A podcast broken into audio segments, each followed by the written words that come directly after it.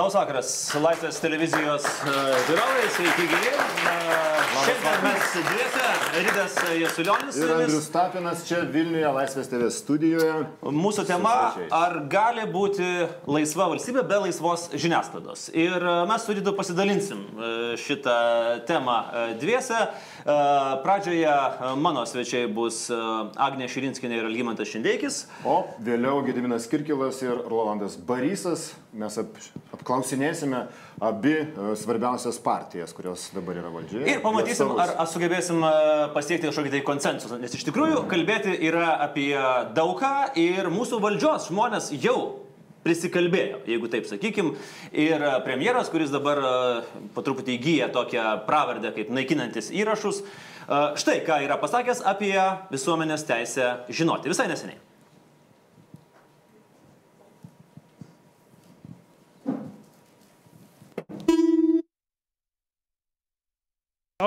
Klausite, jūsų nepertraukiau.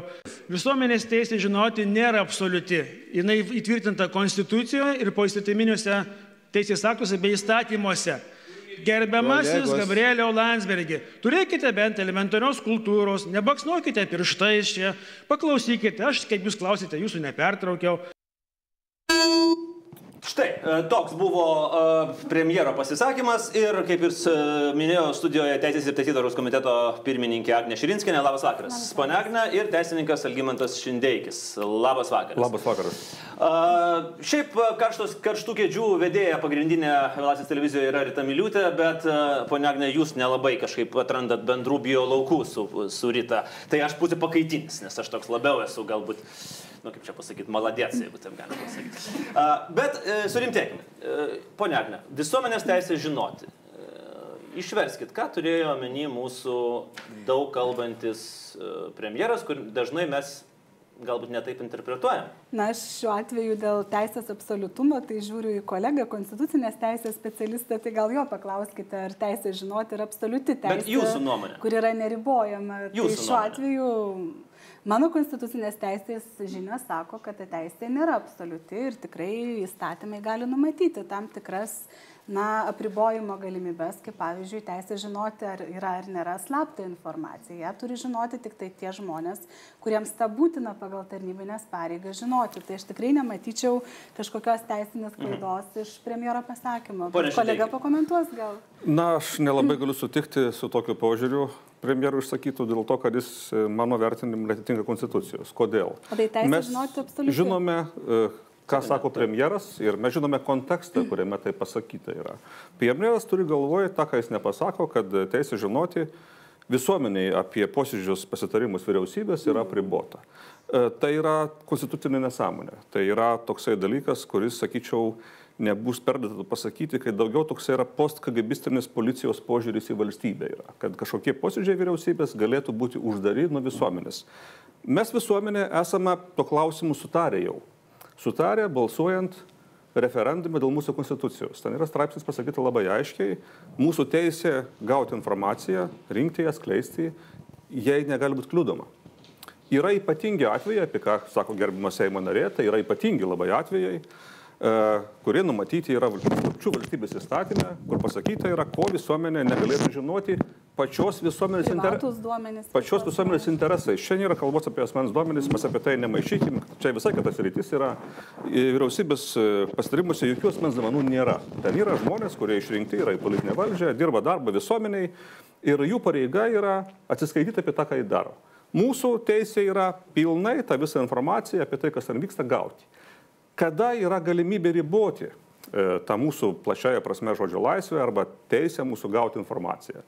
Mūsų pačius apsaugant nuo tam tikrų dalykų. Tai yra, tarkim, mūsų karinės paslaptis, mūsų žvalgybos paslaptis ir tai. Strasbūro žmogaus teisų teismas tokios aplinkybės vertina, ar iš tikrųjų yra pagrįsta kai kurias paslaptis, kurias politikai labai dažnai pavadina paslaptimis valstybės, ar jos turi turinį valstybės paslapties. Mes žinom, nesenai turėjome vieną garsią bylą, kuri paaiškėjo, kad valstybės saugumo departamentų tam tikri rašteliai apie tam tikrus dalykus, kuriuos jie mano, kad yra valstybės paslaptis. Aukščiausias teismas sako, mes čia nemanom, nematom jokios valstybės paslapties. Taip. Pavadinta paslaptim valstybės yra.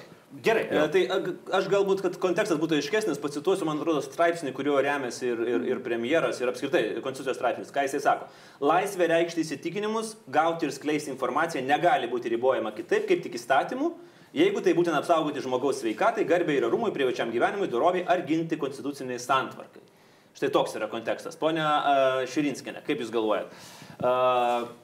Premjeras tą turėjo omeny, ar vis dėlto štai tie pasitarimų įrašai, juo, jie yra bandomi pakišti po štai šitos straipsnius? Nes iš tikrųjų, kiek aš atsimenu premjero žodžius, aš juos girdėjau posėdžių salėje, jis kalbėjo bendrai apie žodžio laisvę kaip tokią, nes buvo paklaustas.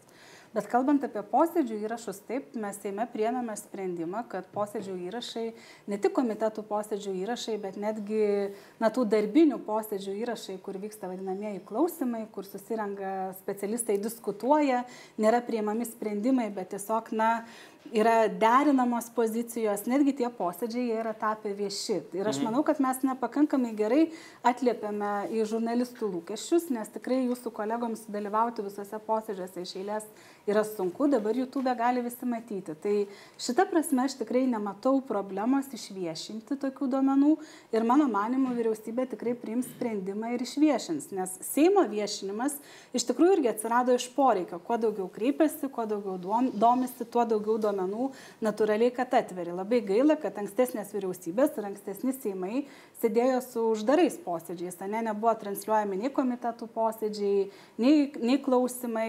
Tai Seimas atsivėrė aš manau, vyriausybė padarys tą. Gerai, o jūs kaip galvojate, ponė Širinskinė, va štai šitą istoriją, po to aš norėčiau iš karto paklausti ir uh, žurnalistų sąjungos uh, pirmininko Dainiaus Razevičiaus, tai paprašysiu mikrofoną jam perduoti, kol mes, uh, ponė Širinskinė, sakinės. Šitą istoriją. Vieni sako, čia yra Watergate, lietuviškas Watergate, taip, ir tai yra apkalta premjerui potencialiai. Kiti sako, nu, Klausykit, nu pasakė, nu pavadino žurnalistus šūdvabalis, nu nieko, nieko labai naujo, nes nu, tokios lyg ir yra, sakykime. Aš negirdėjau, kad būtų. Nu, sakykime taip, šaltiniai teigia, kad toks buvo uh, žodis pavartotas, na, visai normalus tas vabalas yra, nieko čia gal baisaus nėra. Jūs, jūsų, jūs kur esate šitoj, šitoj vietoj, maždaug, asmeniškai jūs na aš manyčiau tikrai kad vyriausybė na mes mokomės kiekvieni iš patirties ir kada kyla klausimai šiuo atveju tikrai kilo pakankamai aštrus klausimas koks teisės aktas reguliuoja ane nes turime vieną teisės aktą kuris tą sako kad vyriausybės posėdžiai yra atviri transliuojami kitas tas pats aktas sako kad pasitarimai ane jie medžiaga yra nesaugoma turime kitą teisės aktą reglamentą kuris vėlgi neatitinka įstatymo normas. Tai manyčiau kada paaiškėja tokios aplinkybės tiesiog kiekvienos valdžios šiuo atveju ir vykdomosios valdžios na pareiga yra susiderinti teisės aktus ir tikrai prisiimti tuos sprendimus kurie na tenkintų visas puses. Tai aš iš savo pozicijų tikrai nematau problemos atverti pasitarimus, taip kaip mes atvėrėme klausimus Tvarko. ir kas atsitiko. Mhm. Gerai, e, Dainius Rezevičius, žurnalistų sąjungos pirmininkas Dainiu. E, kiek žinau, ruošiam, ruošiamas ir ieškinys yra susijęs su šita, su šita tema, kur premjeras, na, atrodo, kad lyg ir e, giliau grimsta. Štai ponė Širinskinė sako, kad na, nemato problemos. Jūsų nuomonė. Na, aš turbūt atkreipsiu dėmesį, kad ši diskusija turėtų būti ne apie tai, reiškia, na, kaip mes nulinam į detalės, kuris reglamentas kaip reguliuoja. Nes bet kuris reglamentas, ar vienas ar antras, jie vis tiek yra žemesnės prabos, žemesnės galios teisės aktą negu konstitucija arba įstatymai. Ir aš labai džiaugiuosi, kad gerbiamas Šindeikis priminė dar vieną kartą labai svarbią nuostatą. Negalima riboti spaudos, žodžio, saviraškos laisvės kitaip negu tik įstatymų. Kitaip tariant, bet kuris reglamentas, net jeigu ten prašyta galbūt ir nesąmonė ir ten vienas kitam prieštarauja, tai nėra pretekstas atskirsti mus žmonės, ne tik žurnalistus, bet šiaip žmonės nuo informacijos apie tai, kas vyksta, pavyzdžiui, vyriausybėje, pasitarime ar posėdėje. Ypač jeigu juose priimami sprendimai. Tai mūsų kolegos, kurie kreipėsi ir paprašė tiesiog sužinoti ir beje, ne šiaip dėl smalsumo, o kad tiksliai galėtų pacituoti tai, kasgi ten buvo kalbama ir pasakyta, tai jie pasinaudojo teisę gauti informaciją ir jiems grubiausių būdų buvo pasakyta tiesiog neduosime. Tai mes šitą sprendimą atsisakymą ar skundžiame teismo administraciniam, todėl kad atsisakymas teikti informaciją, na, mūsų gilių įstikinimų buvo nepagristas. Kodėl? Todėl, kad nebuvo nurodytas ne vienas iš pagrindų, kurio galima būtų atsisakyti. Pavyzdžiui, jeigu būtų parašę, kad čia buvo valstybinių paslapčių apsvarstymas, mes būtume supratę. Jeigu būtų pasakę, kad tai buvo privatus asmens kažkokio žmogaus duomenys, nežinau, ten labai labai, būtume supratę. Bet nei vieno iš tų argumentų nebuvo. Tai mes labai tikėjomės ir dar dabar beje tikimės, kad e, galimagi susiprasti ir e, pakeisti savo sprendimą atsisakymą teikti informaciją. Kiekviena valdžios institucija gali pripažinti klaidas. Aš asmeniškai labai gerbčiau kiekvieną instituciją, jeigu jinai pripažintų savo klaidą be teismo. Nes teismas yra kraštinė priemonė ir kai jau pasakys taip arba kitaip, tai mes tiesiog na, turėsim tokią situaciją, kuri bus šiaip nesmagi. Žinot, aš manau, kad galima išanalizavus specialistų nuomonės, ekspertų, teisininkų, žurnalistų etikos inspektoriaus tarnybos, dar kartą įvertinti atsisakymą, jo lab, kad atsisakė, kiek aš atsimenu, tuose laiškuose matėm, net nebuvo vardų pavardžių tarnautojų. Buvo tiesiog vienam pamenu elektroniniam laiške tiesiog kažkoks skyrius parašyta, net ne Jonas, ne Marytė, ne kažkas skyrius. Tai aš, pavyzdžiui, pats esu dirbęs valstybės tarnautojų ne vienerius metus ir puikiai žinau, kad nu, turėtų prisistatyti tarnautojas. Tai, žinot, Tai yra klaidos, kurios padarytos, galbūt iš išgaščio, gal dėl kažko, bet juk viską galima ištaisyti. Ir, ir aš manau, kad galima atšaukti tą sprendimą. Aš vis tiek turiu viltį, nes advokatai ruošia ieškinys, mums kainuos tikrai nemažai, bet mūsų kolegos žurnalistai galvoja, kad tai yra ne mūsų teisė žurnalistų, visuomenės teisė žinoti. Mes tą teisę ginam. Algymatai. E, aš pasakyčiau, kad šito atveju, kuris tikrai yra geitas, nežinau, koks ten infogeitas, kvernelio geitas, jau yra nukentėjęs asmuo, kurio teisės niekada nebus atstatytos tas nukentėjęs asmo, kurį reikia ginti, man kaip advokatui visuomet ieškos, ieškau žmogaus, kurį apginti reikėtų, tai yra visuomenė. E, visuomenė turi suprasti, ką tai reiškia žodžio laisvė, kokia prasmė jos yra, koks yra giluminis turinys tos teisės yra. Jis nėra šiaip iškaba žodžio laisvė, pasakyti, ką nori. Tai yra pirmiausia mūsų teisė gauti laisvą informaciją.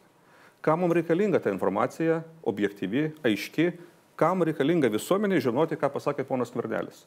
Tik todėl, kad būtų galima tinkamai realizuoti savo kitą teisę, kuri yra nemažiau svarbi. Tai yra mūsų teisė rinkimuose balsuoti už tą asmenį, kuriuo mes pasitikim ir kuriuo tikime ir kuris supranta demokratiją. Dabar, nesužinojus, kas buvo pasakyta turinys tame pastarime vyriausybės, mes nežinome, aš nebežinau, ar aš galiu balsuoti už šitą asmenį dėl to, kad man kelia įtarimą, kodėl jis lepino visuomenės, kaip jis supranta žiniasklaidą, kaip jis suvokia ją. Mhm. Tai yra mūsų teisė ir tas teisės apribojimas jau pasiekmes niekada nebus atskleistos, nes įrašas, kaip suprantu, jau nebėra, jis sunaikintas tas įrašas yra. Tai aš sakyčiau, vis dėlto yra padarytas nusikaltimas. Yra pagal mūsų sustarimą, pagal konstituciją, mes turime teisę gauti tokią informaciją, jinai nėra paslaptis valstybės jokia, bet asmuo yra kažkoks tai, nežinau, ar tai premjeras yra, ar kanclerijos vadovas yra sunaikinęs tą įrašą. Ir taip padaręs visuomenę nukentėjusiojo asmenių, nebegalinčių priimti adekvatų sprendimą per rinkimus, nes nežino, ką kalba vyriausybėje. Na, nėra pil, pilno paveikslo, sakykime. Tai. Vienas na? dalykas. Apginti taip pat noriu šudvabalį. Labai svarbu tai yra. Arba tai, tai yra Donelaičio poemos žodis beje. Ir tenais įsivaizduojamas yra kaip labai ypatingai vertingas personažas, kadangi jis atlieka tą purenimo funkciją. Taip. Žurnalistai taip pat atlieka purenimo funkciją, iš kurios mes visi maitinamės. Ta informacija, kuri atsiranda iš to purenimo, mums leidžia būti mūsų valstybėje sąmoningais piliečiais. Nes Baltarusijoje žmonės negali būti sąmoningi, nes jie formaliai nežino nieko, kas vyksta valstybėje. Ką kalba ten, kaip priminimi sprendimai yra, kokie yra daromi įtakos poveikiai ministrams, kaip jie yra valdomi, kaip atstatydinami yra. Žmonėms tai nėra prieinama informacija ir tai nėra demokratijos. Mhm. Dėl to klausimus jūsų pavadinimo laidos jokios laisvės nėra.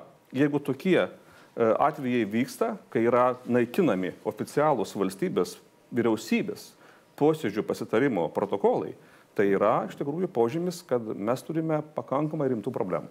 Apie tai ir plačiau mes tuoj pakalbėsime. E, dar vienas konstitucinės teisės žinovas, e, profesorius Sinkevičius, irgi išreiškė tam tikras na, nuogastavimus dėl konstitucijos galbūt galimų pažeidimų šitoje situacijoje. Ir štai ką turėjo atsakyti į pono Sinkevičiaus pastabas premjeras Saulis Skvernelis. Gerai, tada dar vienas išaiškinimas konstitucinės teisės specialisto Vytauto Sinkevičiaus. Jis sakė, kad tai yra viešas konstituciškai pagrystas interesas. Ir be abejo, svarstant tokius jautrius klausimus, pati vyriausybė ir pasitarimo dalyviai turi būti suinteresuoti atskleisti savo požiūrį į žiniasklaidos laisvę, teisę gauti ir skleisti informaciją. Techniškai tą įrašą įmanoma atkurti. Ar planuojama Matote, tai padaryti? Tai žmogus, kuris labai angažuotas yra savo išvadose, atstovaujantis labai aiškę politinę kryptį. Čia Vytautas Inkevičius. Taip, ir be abejo, mes turime laikytis vėlgi to pačio konstitucinio teismo išaiškinimų ir kitų įstatymų. Pone Širinskinė, jeigu tai pasižiūrėtume plačiau į premjero, sakykime, tokį bendrą profilį, Jis, sakyčiau, ilgą laiką tai jis palaikė labai neblogus santykius su žiniasklaida. Na, ko aš negalėčiau galbūt pasakyti apie kai kurios kitus valdančiuosius valdančiosios narius, kad ir apie jūs arba apie Ramūną Karbauskį. Mes apie tai dar galėsim pašnekėti. Kurioje vietoje blogus ryšius? Tuoj, tuoj, tuoj, tuoj prie to prieisim. Ir aš netgi galbūt turiu tam tikrą tokią teoriją, bet jūs galėsite ją paneigti. Bet va dabar matom, kad nebesiseka. Ir va tokie jo pareiškimai vis labiau ir labiau, sakykime taip, aš nesakyčiau, kad skandina, bet Gerai, tada dar vienas. žiniasklaida. Kaip jūs galvojate, jeigu šitą istoriją dar labiau užsitęs, ar premjeras susigadins santykius taip, kad mes nebegalėsim jų atstatyti? Na, aš tikrai nemanau, kad premjeras susigadins santykius. Aš manyčiau, kad, na, kiek aš žinau, tame posėdėje tikrai nebuvau, tiesiog girdėjau pasakojimus, kaip ir manau, kad praktiškai visi iš mūsų, ne, ar, ar buvo ten kas nors dar posėdėje iš esančių čia. Tai tiesiog man buvo papasakota, kad ten buvo nemažai žiniasklaidos atstovų, tai man yra labai keista, nes posėdis nebuvo uždaras jūs nepasirašėte kaip žiniasklaidos atstovai, kurie dalyvavote ten, jokio įsipareigojimo, ne, ne, neskleisti informacijos. Tai tiesiog man yra labai keista, kodėl tie žmonės neina ir nepasakoja apie posėdį. Ne? Nes aš manau, jeigu jau tikrai jauti pareigą informuoti, o ne eskaluoti situaciją iki negalėjimo, tai tiesiog eini ir papasakoji, kas tame posėdėje buvo. Bet man kas keiščiausia, netgi su poneiste Žilinskinė jūsų televizijoje diskutavome, to pasakojimo jinai pati pripažino, kad posėdėje buvo aš negirdėjau. Tai aš tikrai raginčiau, jeigu jūs buvote, jūs jaučiate pareigą ne, informuoti visuomenę, o aš tikrai žinau, kad ten buvo žiniasklaidos atstovų ir netgi asociacijų vadovų, Tai jūs papasakokite, man, nes man iš tikrųjų labai keista. Čia visi, dabar visi vieni kitus ragina, tai tu papasakok. Ne, tai suprantate, tu, tu mes eskaluojame, kad na, visuomenė turi teisę žinoti, ne? Kad premjeras neduoda, bet yra begalė žiniasklaidos atstovų, kurie matė ir girdėjo ir jie dėl kažkokių paslaptingų, nesuvokiamų priežasčių nepasako, kaip buvo. Nes iš tikrųjų man būtų įdomu girdėti žiniasklaidos atstovų tą pasakojimą, o kasgi ten iš esmės įvyko, nes mhm. jūs matėte ir girdėjote, tai informuokite visuomenę. Taip, uh, Algimatai. Aš labai atsiprašysiu, bet vėl turiu šiek tiek kitokią nuomonę dėl to, kad vien pats faktas, kad buvo bandoma nuslėpti šitą garso įrašą, jau yra pažeidimas. Tai yra jau politinė pozicija, kuri parodo premjero tam tikrus vertybinius orientyrus demokratijoje. Aš nekalbu apie turinį. Turinys yra kita tema. E, asmuo, kuris vadovauja šiandien mūsų vyriausybei, nori apriboti visuomenės mūsų teisę žinoti apie tai, kas vyksta vyriausybės pastarimuose. Na, man asmeniškai toks politikas yra neprimtinas, nes aš manau, kad jis neturi suvokimo giluminio, kas yra demokratija, kokios jo pareigos yra kaip vyriausybės vadovo. Pirmas dalykas. Antras dalykas - turinys. Tas, kuris buvo. E, aš manau, kad žurnalistai elgesi solidžiai, reikalaudami to įrašo, dėl to, kad yra posėdis, e, jeigu bus citatos netikslios, žinome, kas bus. E, žurnalistai kreipsis į teismą, teismas reikalaus įrašo, jo nėra. Tai- be abejo, čia vėl klausimas, bet aš manyčiau, kad tikrasis turinys nėra tiek svarbu šituo atveju, kaip pozicija premjero. Pozicija premjero šituo atveju yra pašvinkusi, labai smarkiai pašvinkusi. Ir to pakanka, kad uh, mes apie tai šiandien kalbėtumėm, kad turim problemą. Taip. Problemą mes turim ja. turbūt ne vieną ir aš galvoju, kad apskritai santykiai valdžios ir žiniasklaidos dabar yra pakankamai įtempti. Labai dažnai yra minimas Vengrijos pavyzdys, Lenkijos pavyzdys, mes tuoj pakalbėsime apie mūsų nacionalinį transliuotoją, bet, ponia Agne, aš turiu tokią teoriją, dabar galbūt galim ją irgi padiskutuoti. Ar nėra taip, kad yra tam tikra asmeninė jūsų ir galbūt Ramūno Karbauskio vendeta prieš žiniasklaidą, nes jūs žiniasklaidą, tarkim, tą, sakykime taip, mainstreaminę, ne, jūs laikote priešais. Ir jūs, pavyzdžiui, tai gal, čia mano teorija, jūs laikote ją nuo 2016 metų lapkričio, kai buvo, sakykime taip, ištraukta iš konteksto viena jūsų disertacijos frazė apie tai, kad AIDS yra Dievo bausmė ir jūs tame išvelgėte farmacijos interesus. Ramūno istorija ir Gretus, 17 metų sausis, ponas Karbauskis išvelgia farmacijos, alkoholio pramonės ir anikščių medžiotojų interesus čia, čia nais, šitoje istorijoje. Ir po to, ką aš matau, ko anksčiau niekada nedarė jokia kita valdžia, ir tai galbūt galima būtų sakyti, kad tai galima pagirti jūs už aktyvumą, jūs esate proaktyvus, jūs kontratakuojate, jūsų klausimai e, 15 minučių pamenat apie jų akcininkus ir panašiai. Ramūno Karbauskio kova su Edmundu Jekilaičiu dėl Nu, vietos šiol Čia jau yra vis, vis, vis dar tie dūmai dar tvyro. Ar yra mano teorijoje nors lašelis tiesos? Ne, iš tikrųjų aš Nėra. žiniasklaidai jokio pykčio ar kažko nejaučiu. E, vienas dalykas, kurį aš labai jautriai reaguoju, kada pradeda Lietuvos ryto grupė lipti pas mano mamą į būstą, ne, į privačią valdą ir fotografuoti. Tai va tada, kada yra peržengiama privatumo riba, aš tikrai labai jautriai reaguoju. Kita situacija buvo, kur žurnalistų etikai vertino, ne, tai pono Karbauskio žmona, einanti Barcelonoje, yra kažkokiamis priemonėmis sufotografuojami jos SMS, berots rašyti jos mamai ir yra išpublikuojami. Ir tada nebuvo pasakyta, žurnalistų etikai pasakė, kad taip, Lietuvos ryto grupė ne, yra toje kritinėje situacijoje, kur nubraška, ne, pamatai ir kelia grėsmę netgi žiniasklaidos sažiningiams atstovams, kurie ten dirba. Taip, tokių aš negaliu dalykų Bet jums tai suprasti. netrukdo į- Visa kita pas Rūtą kritika- Jantinę į laidą ateiti. E, Nebeinu, po to, kai pas mano mamą lipo A, į privačią valdą. Sveikinu. Ir tikrai nežadu eiti, nes ribos turi būti. Taip. Bet visa kita kritika, aš tikrai nematau problemos, jinai yra gera kritika, jinai yra konstruktyvi, jinai leidžia pasižiūrėti į save iš šalies, bet tikrai tos privačios ribos, kur yra pradedami terrorizuoti artimieji, kur pradedami terrorizuoti pensininkai, tėvai, iš tikrųjų aš jas niekada nesuprasiu ir aš manau, kad kiekvienas iš mūsų na, nebūtų patenkintas, ne, kad tėvai, kurie nieko dėti, kurie yra pensijoje ir, ir nebedirba, yra visiškai privatus asmenys, staiga pas save valdoje sulaukia svečių, kurie ten nori pafotografuoti arba patekti į namus. Uh, Pone Šindeik, jūsų nuomonė, ar tai yra štai tokie uh, asmeninio, uh, žmog, žm- žmogiškojo lygmens konfliktai, ar mes vis dėlto matome tam tikrą uh, formuojamą frontą prieš žiniasklaidą, turint omeny, kad mes įeiname į labai įdomų periodą, kai bus daug labai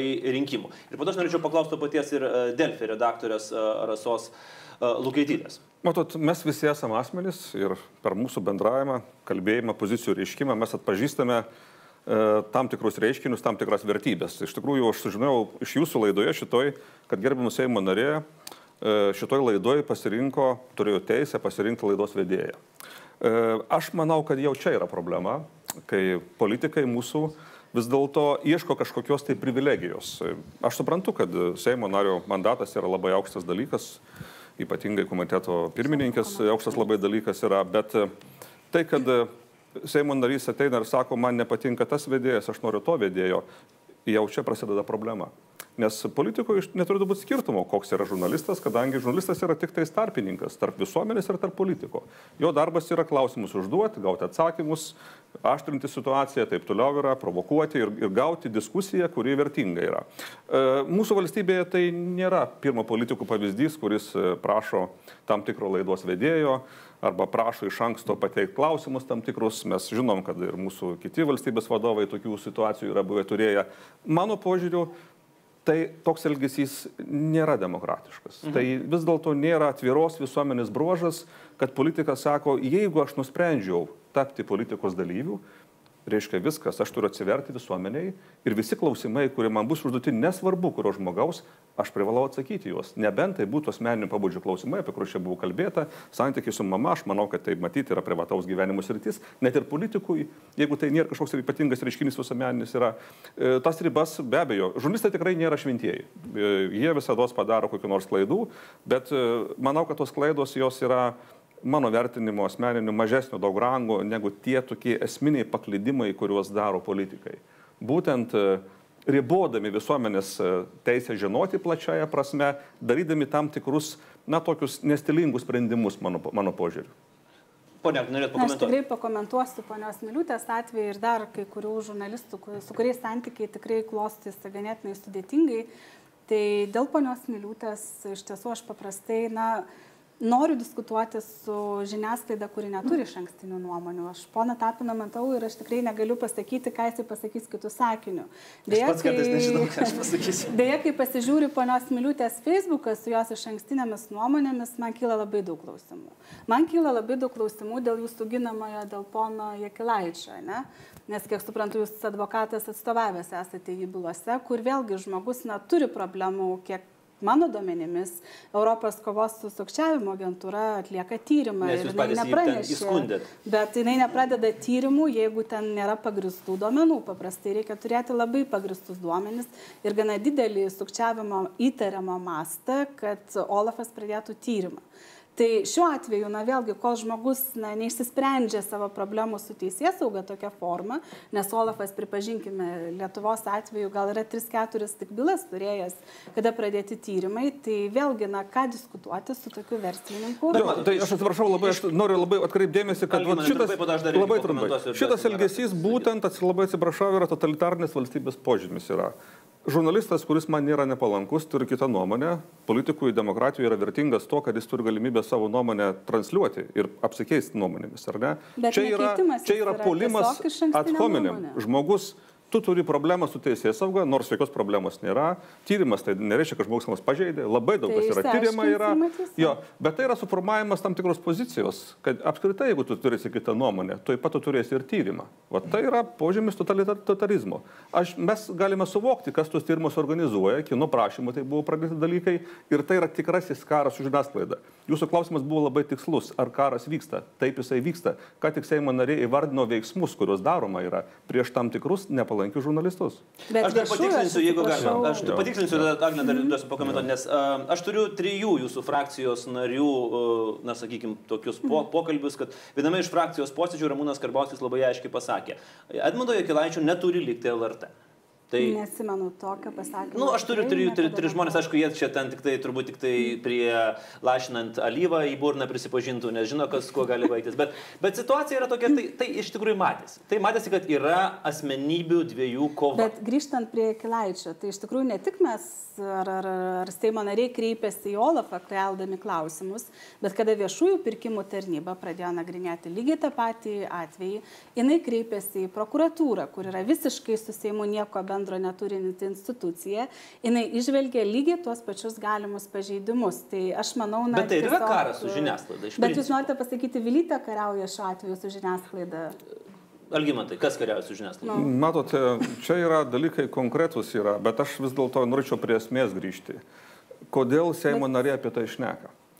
E, Tikslas to šnekėjimo, mano, aš pasakysiu Taip savo nuomonę, aš klausaus jūsų nuomonės, tikslas to šnekėjimo yra pažeminti kai kurios asmenys, su kuriais aš nešnekėsiu. Politikas negali turėti tokios pozicijos. Jeigu žmogus nėra nuteistas, dirba savo darbą, politiko pareiga yra atsakyti į visus jo pateiktus klausimus. Jeigu politikas to nesuvokia, mano vertinimu, mūsų šalyje jam yra ne vieta politikoje. Ir tai yra asmeniniai karai dėl žurnalisto, aštraus žurnalisto nepatogių klausimų. Ir tame nieko daugiau nėra. Bet susidoroti su žmogum ba, galima surasti būdų. Visokiausių galim būdų. Taip, Galima, gerai. Uh, jo. Rasa, uh, Delfi redaktorė Rasa Lukauskaitė, Varanauskinė. Prašau, jūsų nuomonė. Karas vyksta? Uh, Algymantas šiandien sako, kad vyksta. Uh, Agne sako, kad ne, ne, čia yra tik tai tokie, na, sakykim, kaip čia pasakyti. Uh, Nes ta- tarp kitko, Delfis buvo ta žiniasklaidos priemonė, kuris skelbė mano disertacijos citatas, bet jūs puikiai žinote, aš tikrai niekur nesikreipiau, nes, na taip, įvyko apmaudžiai, buvo ne visai tinkamai pacituotas tekstas. Prašau. Delfi iš tiesų yra žiniasklaidos priemonė, kuri dažnai skelbia pirmą labai įvairią informaciją, mes to didžiuojamės ir to siekiame iš tikrųjų. Ir politikams tai labai dažnai nepatinka, bet tai lieka tik tai tiek, kad jiems tai nepatinka. Mes vadovavomės visais žiniasklaidos principais ir norime turėti informaciją pirmi, turėti ją įvairią, turėti visas įmanomas ir diskusijas pas mus. Tas pats Edmundas Jekilaitis veda Delfi dėmesio centre ir mes tuo labai džiaugiamės ir didžiuojamės. Mes turime labai didžiulę įvairovę nuomonių įvairiausių apžvalgininkų, kaip žinote, didžiulę redakciją, kuri dirba rinkdama informaciją ir manau, kad tai yra mūsų stiprybė iš tikrųjų. Ir politikai, kaip žinote, ir nepatenkinti, bet tai... Bet tokia jau žiūrėkit, Agnė. Šilinskinė pas Edmundą Jekilaitį pas jūs į dėmesio centrą neateis. Ar ateis? Ar ateisit? Na, aš vis laik tikiuosi žiniasklaidos skleidėjų, o ne tam tikros skaidrumo. Tai šiuo atveju, kada bus diskusija išspręsta dėl pono Jekilaičio galimų pažeidimų, tai manau bus kiti dalykai. Bet lygiai taip pat manau, kad žiniasklaidos priemonės turi būti atviros ir, ir pakankamai skaidros ir viešos. Tarkime, kalbant apie LRT klausimą, ne, mes turėjome LRT tarybą iš 12 žmonių Ir paprastai, na, žiniasklaida sako, taip, turi valstybės tarnautojai, žmonės, kuriems prilyginti deklaruoti interesus. Ane, ir kada LRT komisija kreipėsi į FTEK, tiesiog paprašydama pateikti tų žmonių deklaracijas, nes jos nebuvo beje viešai skelbiamos ir prieinamos, tai pasirodė, kad iš 12 žmonių 9 viešų ir privačių interesų deklaracijos iš viso neturėjo. Tai manyčiau, na vėlgi, žiniasklaida turėtų jaustis pakankamai atsakingai ir tokiu atveju tiesiog deklaruoti interesus, kuriuos reikėjo deklaruoti. Gerai, e, dabar, kad jau paminėjot, mes galim perėti prie LRT klausimo. Nuo sausio mėnesio e, jūs rimtai užsimėte LRT ir nepaisant to, kad pasikeitė administracija ir dabar generalinė direktorė, jūsų citata šios dienos yra nuostabi. Monika Garbačiauskaitė Budrėnė, kuri tiesiog, mačiau, persikreipė šiandien konferencijoje išgirdus tokį, tokį komplimentą, sakykime, iš jūsų. Monika, gal galėčiau tada iš karto jūsų paklausti, kaip nuostabios generalinės direktorės, ponios Širinskinės nuomonė. Ar jūs matote grėsmę, kad net ir pasikeitus administracijai ir jums taikant naujus skaidrumo standartus ir stengiantis išspręsti ir nusimti tą bagažą, kurį galbūt paliko Audrius Rusevičiaus buvusi administracija, To nepakaks ir šita valdančioji koalicija, artėjant rinkimams, vis labiau norės daryti didesnį įtaką nacionaliniam transliuotojui. Aš nežinau, ar jie norės daryti vis didesnį įtaką, bet mums kilo klausimų dėl komisijos išvadų, konkrečiai dėl valdysenos dalies ir mes tos klausimus iškėlėme gana plačiai ir viešai ir apie tai sužinojo jau turbūt pusė Europos, visa turbūt Europa. Ir aš manau, kad atsitraukiant iš tikrųjų netgi nuo šių valdančiųjų, aš manau, kad tai yra politikų stilius spausti žiniasklaidą vienais ar kitais būdais ir jeigu jie na, nepabando, tai aš turbūt labai stebėčiausi. Ir iš čia yra tas nepasitikėjimas. Taip, valdantieji dabar tarsi sako, ko jūs dabar čia, na, sto, čia ne citata, bet aš tik perfrazu, ar ne? Na, maždaug potekstai yra tokie, kodėl jūs stojate spiestų ir protestuojate, juk tai yra tik tik tarsi idėjos, siūlymai, galbūt vėliau jie virs. Pagerinti LRT veiklą. Taip, na, tikrai, kaip čia pasakyti, nebe pagrindo yra mhm. ir to pagrindo ir galbūt tai tik tai vėliau virs teisės aktais, kodėl jūs, kodėl jūs protestuojate. Tai aš kažkaip apie tai irgi nemažai galvoju ir galvoju, kad dėl to, kad nėra pasitikėjimo. Mes turbūt netikime, kad politikai per se apskritai gali kažką na, geresnio tai žiniasklaidai atnešti. Visi. Žinokit, visi, man nėra didelio skirtumo iš tikrųjų ar valstiečių, ar konservatorių šiuo atveju, nes mes matėme praeitie taip pat labai, na, LRT bandymų prispausti ir būtent iš konservatorių pusės. Ir Matau, tų, kurie dabar, tų, tų, ir, na, tų, tų, kurie dabar gina, gina LRT nepriklausomumą ir taip. Tai iš čia yra tas nepasitikėjimas. Galbūt, galbūt tuose pasiūlymuose, na, nėra kažkokių blogų minčių, tačiau visas tas bendras paketas uh, siūlymų, mhm. uh, kadangi nacionalinis transliuotojas yra svarbus dalykas, svarbus, svarbus visuomenės ir nuomonės rūporas, uh, apmokamas mokesčių mokėtojų asignavimais, pinigais, svarbi, svarbus šaltinis, iš kur žmonės sužino informaciją, tai tuos pakeitimus reikia labai plačiai išdiskutuoti ir jau tikrai neskubėti. Tos skubos mes, na, matome nemažai dabar pastaruoju metu. Ar tai gali būti susiję, ar jūs galite sėti su artėjančiu rinkimų, didžiuoju rinkimų ciklu? Ar tai sutapimas? Ne, ar tai sutapimas, gal nežinau, nežinau iš tikrųjų. Taip, kiti metai bus labai tempti, bus treji rinkimai ir, na, mes tą puikiai visi žinome. Tai apie tuos visus valdysenos pakeitimus, kadangi, kaip minėjau, tai yra svarbus labai, na, transliuotojas, jos reikia labai išdiskutuoti, negalima bet kaip liesti. Ir dabar visos, bet, na, įvairios idėjos yra metamos ant stalo. Viena dėl tarybos narių kadencijų, dėl valdybos, dėl papildomų institucijų reguliavimo. Tada ponas Karbauskas išmeta kitą idėją dėl depolitizavimo. Tokia, man šiek tiek yra nerimo, kad atsidaro Pandoros skrinė ir sistema, kuri, na, gana ilgai veikia visai neblogai e, užtruko LRT, kol prie prie tos sistemos ir keisdavosi ir tie direktoriai, kas, nežinau, būdavo ir kas pusę metų, va, Dainius Radzevičius neleis meluoti, nes buvo ir tarybos pirmininkas, tai dabar tą sistemą mėginama kažkaip, na, ją keisti. Aš suprantu, šie valdantieji apskritai turi nusiteikimą daug ką keisti ir sutvarkyti, sutvarkyti. Tai va tas noras sutvarkyti ir mus man kelia nerimą. Mhm.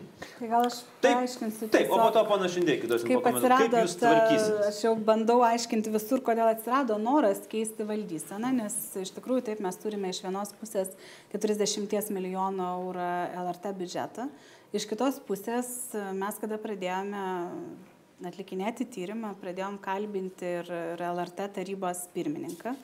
Ir kilo tikrai daug klausimų Seimo nariams, kurie dalyvavo komisijoje dėl biudžeto, dėl samatų, sąskaitų Ir staiga, ką aš jau nekartą esu pasakojusi, tai gerbiamas pirmininkas pradeda sakyti, kad jie, žinote, taryboje yra humanitarai, samatų sąskaitų neskaito. Ne? Tada mes pradedame kviesti administracinės komisijos vadovų, vadovą, buvusi ir esamą, tiesiog klausdami, o kaip jūs skaitėte samatas. Ne? Ir tuos žmonės apklausinėjant pasirodė, kad atskiros funkcijos, kurios yra LRT įstatymė, kaip teikti išvadas dėl 29 tūkstančių eurų ir daugiau viršijančių investicijų tikslingumo, jos iš viso nebuvo vykdomos nuo 13 iki 17 metų. Tik tada, kai Seimo nariai užatakavo paklausimais ir buvo sukurta komisija, administracinė komisija pradėjo vykdyti savo funkciją šitą ir pradėjo analizuoti investicijų tikslingumą. Natūralu, kad buvo pradėta žiūrėti tas investicijas, kurios yra didelės vertės investicijos ir kai kurios tikrai buvo paprašyta ekspertinės pagalbos, nes tik VPT, viešųjų pirkimų tarnyba, gali tą pagalbą teikti, jie randa pažeidimus. Na tai kada matai finansinį tam tikrą, na, švelniai tariant, balaganą, ne, ir matai humanitarus, kurie nieko nesupranta biudžeto valdyme ir sako, mes nieko negalim paaiškinti, na, pradedi savo kelti klausimą, gal tikrai turėtų atsirasti valdyba, kur būtų ne humanitarai, bet kur būtų finansų teisės specialistai, ne finansininkai. Aš supratau, ponia Širinskienė, viskas aišku, bet aš taip gražiai hipnotizuojančiai kalbat, e, bet klausimas, kurį ir kėlė generalinė direktorė, yra tas, kad e, pasitikėjimo. Čia žinot, kai pavyzdžiui e, tave sodina į vagoną ir sako, važiuosim į Disneylandą o veža į koncentracijos stovyklą. Tai vad, kai nėra to pasitikėjimo, tu ir nežinai, kur tave nuveš. Na. Ir dabar mes tarsi irgi nežinom, kur jūs mus nuvešit. Ar į Disneylandą, ar į koncentracijos stovyklą. Nes aš irgi jums nepasitikiu. Aš tikrai pavyzdžiui. už konservatorių pasiūlymus ankstesnėse kadencijose kažką darytų su LRT nenoriu atsakyti. Ką aš galiu paaiškinti, tai ką darėme mes ir kada buvo kuriama komisija, buvo sakoma, o jūs dabar nagrinėsite turinę, nedarysite turinių spaudimą ir kažką. Mes per komisijos 10 mėnesių ir 16 ar kiek posėdžių neuždavėm ne vieno klausimo apie turinį. Mums rūpėjo tik biudžetas ir valdymo skaidrumas, ne, kad LRT kaip įbijų reikalauja kiek įmanoma daugiau duomenų duomenų, ką žurnalistai reikalauja iš, iš valstybės atskleistų. Ne? Dėl kažkokių neaiškių priežasčių Saurusevičiaus sprendimas buvo ne neviešinti viešųjų pirkimų. Bet pamirškim, Saurusevičius nėra Saurusevičius, viskas. Saurusevičius. Tyrimo laikotarpis yra tas laikotarpis, kurį komisija turėjo tirti. Ir iš tikrųjų mes pamatėme, kad ta galiojanti reguliavimo sistema arba savireguliavimo sistema LRT viduje neveikia. Nes tai buvo audito tarnyba. Iš esmės galėčiau sakyti fiktyvi. Nes tarkime, viešųjų pirkimų auditą darė 2009 ir kuriaisiais metais. 16-17 berots metai auditų iš viso dvigubai sumažėjo. Taip. Tai kada turi tuos duomenis ir matai skaičius ir audito apimtis ir puslapiais ir kartais kas yra tikrinta, na iš tikrųjų, kai tai susideda į lenteles, tai kyla klausimai, o kągi žmonės veikia. Man įdomu lygiai taip pat, kaip reaguotų į bijų ar, ar kitos tarptautinės organizacijos, žinodamas, kad yra po 23 milijonus eurų viešieji pirkimai, kuriuos teko dėl pažeidimų sustabdyti. Ir tai yra nacionalinis. Aš noriu replikuoti. Dabar duokime, ar aš galiu žindėkiu. Apie auditus re replikuoti. Tuoj, sekundę, dabar Algymantas. Galbūt galima vis dėlto tokį kitokį požiūrį tą situaciją duoti. Aš noriu atkreipti gerbamų žiūrovų dėmesį, kaip detaliai e, Seimo narė domėjusi sąskaitomis LRT. Ir noriu tik tais tokį retorinį klausimą paklausti, ar daug Lietuvoje yra valstybinių įstaigų, viešo įstaigų, kurių sąskaitos yra taip įdėmiai tyriamos. Ir noriu pats atsakyti tą klausimą, kodėl taip yra daroma. Labai, labai gerai, labai patogu. Konstitucijoje yra įtvirtintas draudimas persikoti už kritiką. Labai aiškus draudimas. E, kai pirmoji valdžia, kuri turi labai aiškias funkcijas, kurios yra parašytos Konstitucijoje, įkūrė komisiją, kurios e, niekaip negali įkurti, nes e, LRT veiklos efektyvumo tyrimas jokių būdų nepatenka į ypatingus valstybės reikšmės tyrimus. Tokius tyrimus. 40 milijonų. Aš labai klausiausi dėmesį, kai jūs kalbėjote. Tokius tyrimus yra numatyta mūsų įstatymuose, kas atlieka. Jeigu yra įtarimų, kad kas nors neefektyviai valdo valstybės lėšas, be abejo, taip negali būti.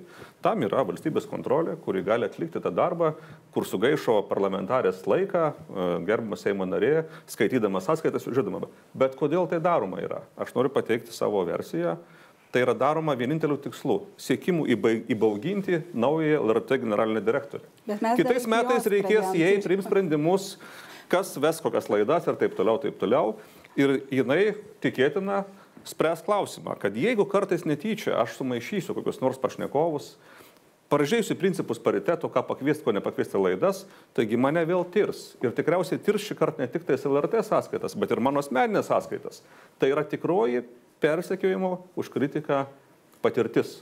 Taip yra dorojimas su žurnalistais. Jeigu Seimo nariai turi teisę pagal mūsų įstatymus tirti sąskaitas visuomeninių transliuotojų, tai yra pažeidimas konstitucijos. Mhm. Visuomeninis transliuotojas yra mūsų visuomeninis transliuotojas, visuomenės jis yra. Jis yra ne Seimo, ne prezidentės, ne vyriausybės, jis yra visos visuomenės. Taip.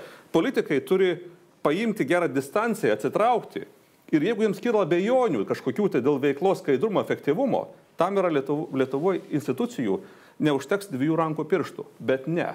Jie asmeniškai sėdi ir skaito jų sąskaitas. Ok, uh, Jo. supratau. Ir dar, vieną dar labai trumpą detalę, aš tik patikslinsiu, ką uh, ponas Šindeikis irgi sakė. Iš tikrųjų, esate labai įsigilinę. Jūs netgi žinot, kiek LRT išleido pinigų pirkti torčiukams, šimtalapiams. 20 tūkstančių eurų. Ne, fake newsas, ne Taip, 20. jūs ne tiek išleidot pinigų. O kiek išleidot, Monika? Dabar jokinga, aš ginsiu, aišku, praeitos administracijos uh, veiklą. Ginkit, bet sakykit, bet žinokite, mūsų darbuotojai iš tikrųjų e, šitų dalykų pasipiktino. Aš jums pasakysiu taip ir tiksliai susirinkau. Ir ką mes ten su tai šimtalapiais LRT darė.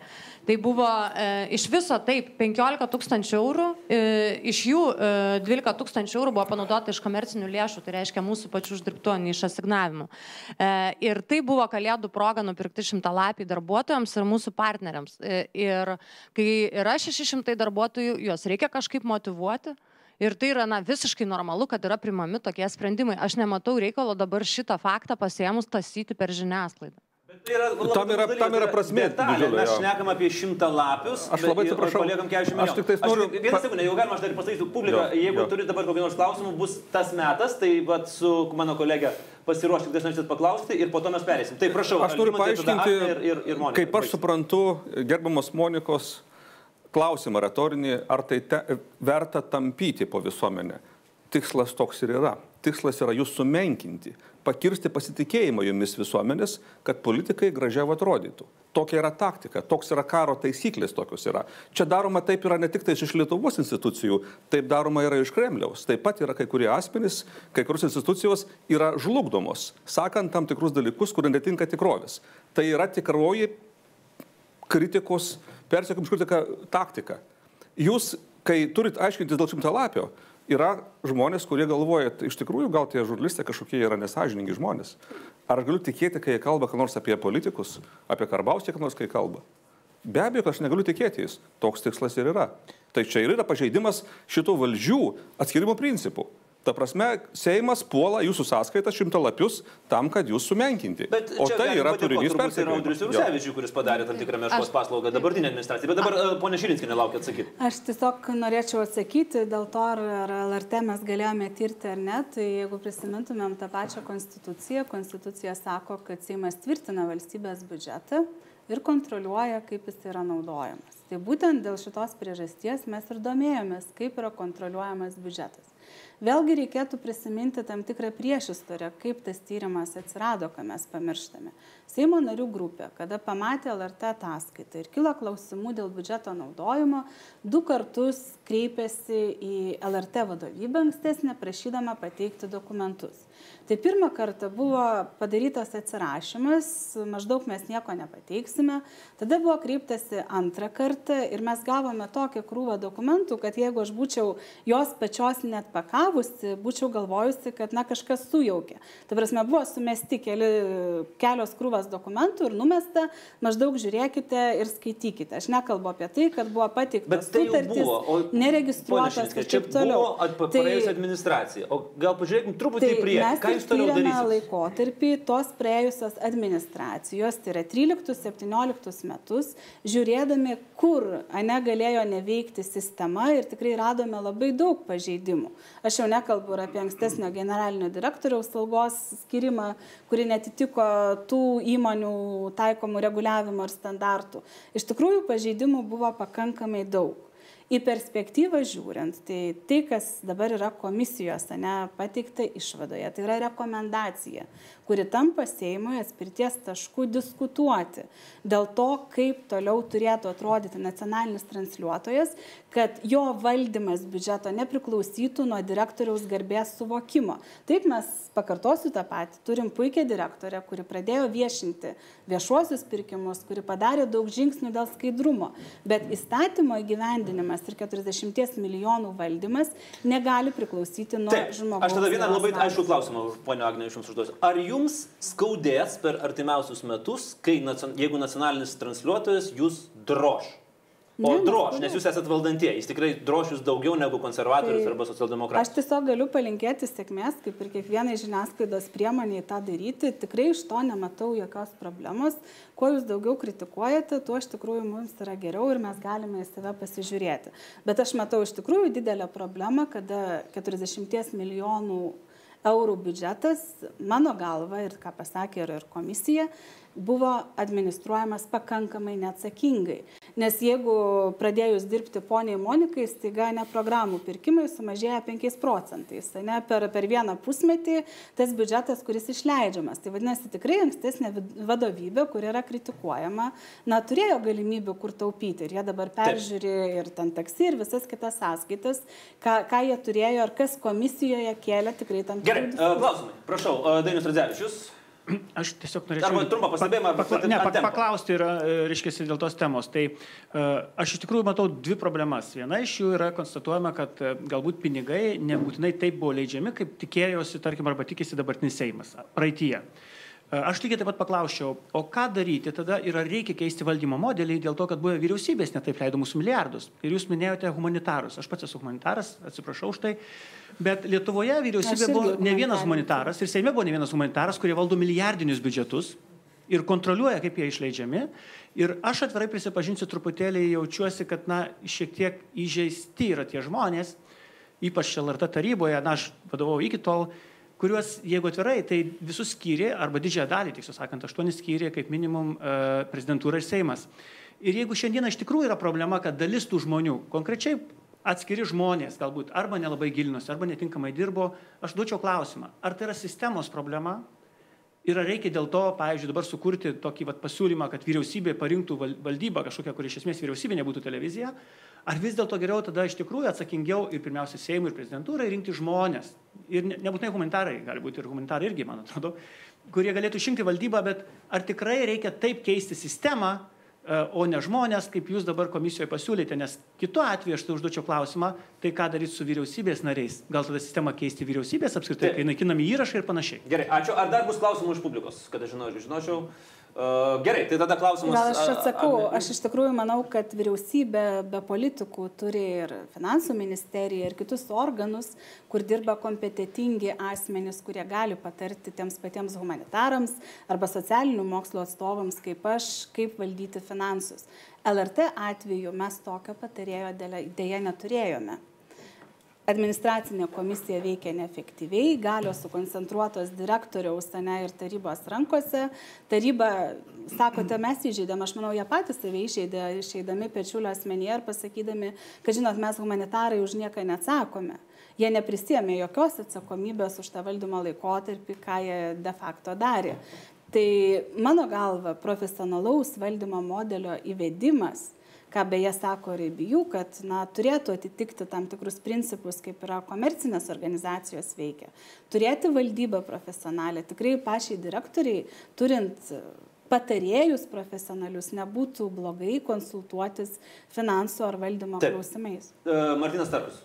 E, Aš nežinau, čia nebus klausimas, galbūt čia toksai monologas, aš nedažnai vaikštau į tokias laidas, bet e, žinot, aš va dabar klausiau, kas, kas čia vyksta ir, ir Monikos viena frazė man labai padėjo užvesti ant kelio.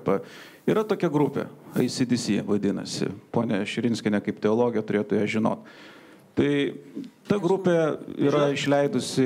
Nežinote įsidėsi? Nežinau, apie meilę dainuoja, apie amžinas vertybės. Nu, nesvarbu. Ta vie- viena iš grupių, kuri sugriovė geležinę uždangą, yra išleidusi daugiau nei 200 milijonų albumų, nupirkti yra vien tik tai originalių skaičiuojant, ne, ne piratinius. Ir e, didžiausia roko grupė istorija.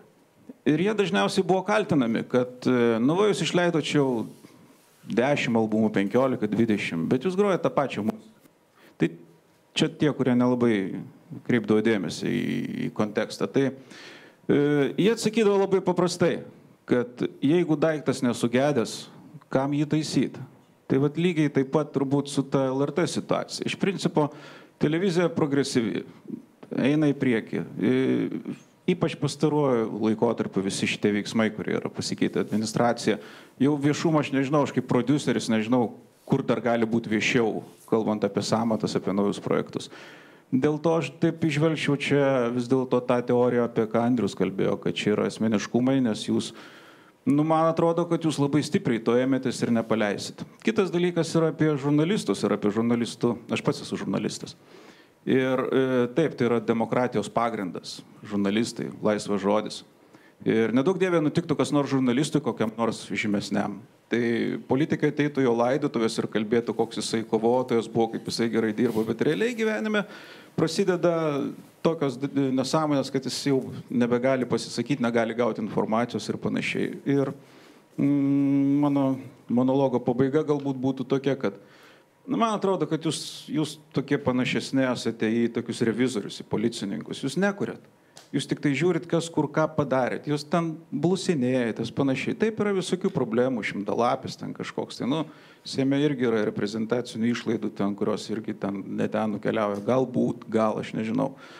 Tai va, tai, tai jūs kurkit. Jūs, jūs, jūs, jūs, jūs užsimkit kūrybą, nežiūrėkit ten, nesižvalgykit taip stipriai ten, kur neturėtų būti viso to. Ir aišku, dabar aš esu žvėjojęs vieną kartą be žvėjo leidimo, tai dabar man kapėts jau. Čia jūs atsargiai. Ačiū, Martinai. Rezimuojant, Agne ir Algymantai, galbūt nuo Algymanto, tai vis dėlto žvelgiant į priekį šiek tiek, Algymantai, mes uh, matysim rinkimų arba prieš rinkiminiam periode suaktyvėjusi vis dėlto valdančiųjų, na, tam tikrą prasme, karą prieš žiniasklaidą, kuri tikrai turbūt nebus jų pusėje vien dėl to, kad jie yra valdantieji. Visada, kai eini į laidą televizijos, vis mes galvoju, ar tu čia laiką gaišti be reikalo, ar kokia nors prasme ir to pačiam bus iš to. Žinot, vis dėlto aš iš tos laidos išeisiu praturtėjęs labai. E, man atėjo mintis, e, aš pajutau e, tiek iš ponios Agnės, labai atsiprašau, tiek iš ponos Kvarnelio, ką jisai kalba, kad šita jėga yra ypatingai pavojinga Lietuvos valstybei. Kodėl? Jų tikslas nėra ką nors ištirti. Jų tikslas yra pasiruošti savo politiniam gyvenimui. Ir tikslas yra pakankamai pasiekiamas žiauriom priemonėm. E, čia buvo pono Martino pasakymas, kad jis yra pažeidęs e, taisyklės žvejybos. Tai jūs nebegalit būti LRT, nes jeigu jūs nepalankiai kalbėsit apie šitos politikus, jūs turėsit problemų. Ir labai rimtų problemų turėsit. Tai, bet tai yra tikslas. Čia jau tai, nereikia. Bet toks tikslas ir yra. Mano trumpas lozungas yra šalin rankas nuo žurnalistų, šalin rankas nuo visuomeninių transliuotojų. Tai yra mūsų žmonės, jie tarnauja visuomeniai. Taip jie klysta, padaro klaidų, bet mums daug svarbiau yra, kad jie būtų neįbauginti ir nepriklausomi. Šitie žmonės nori juos ir įbauginti, ir padaryti priklausomais. Ačiū, ponu Šindėgi, ponė Širinskinė. Koks jūsų trumpas lozungas? Na, Aš tikiuosi, kad mūsų nacionalinis transliuotojas tikrai bus skaidresnis negu jis tai buvo anksčiau, kad nereikės na, ieškoti informacijos, kuri privalo būti viešinama, kuri nebuvo viešinama, kad jisai bus atskaitingas visuomeniai. Mes siūlėme tą savireguliacijos mechanizmą, sakydami, kad reikėtų pagalvoti apie vidinio ombudsmeno įkūrimą, kuris būtų, na, rodytų visuomeninio transliuotojo tam tikrą atsakomybę, ko iš tikrųjų nebuvo ir manau, kad ta 13-17 metais buvo sunku įsivaizduoti, kad e, ankstesnė vadovybė apie tokius dalykus galvotų. Tai aš tikrai manau, kad aukti yra kur. Lygiai taip pat tikiuosi, kad nacionalinis transliuotojas atsakingai valdys biudžetą ir nereikės stabdyti viešųjų pirkimų tarnybai pirkimų po 23 milijonus, arba nereikės kalbėti apie tai, kad sandoriai po 300 tūkstančių buvo sudaryti neteisėtai, dėl to, kad buvo apribota konkurencija perkant įstaigoje tam tikrą televizinę įmonę. Tai aš tikrai labai tikiuosi, kad Seimas daugiau joks nebus priverstas žiūrėti į tokias labai apmaudžias finansų tvarkymas. Jūs padarysite tą juodąjį darbą, ar ne, sunkiausią darbą ir jau po to visiems kitiems Seimams su nacionaliniu transliuotoju bus lengviau.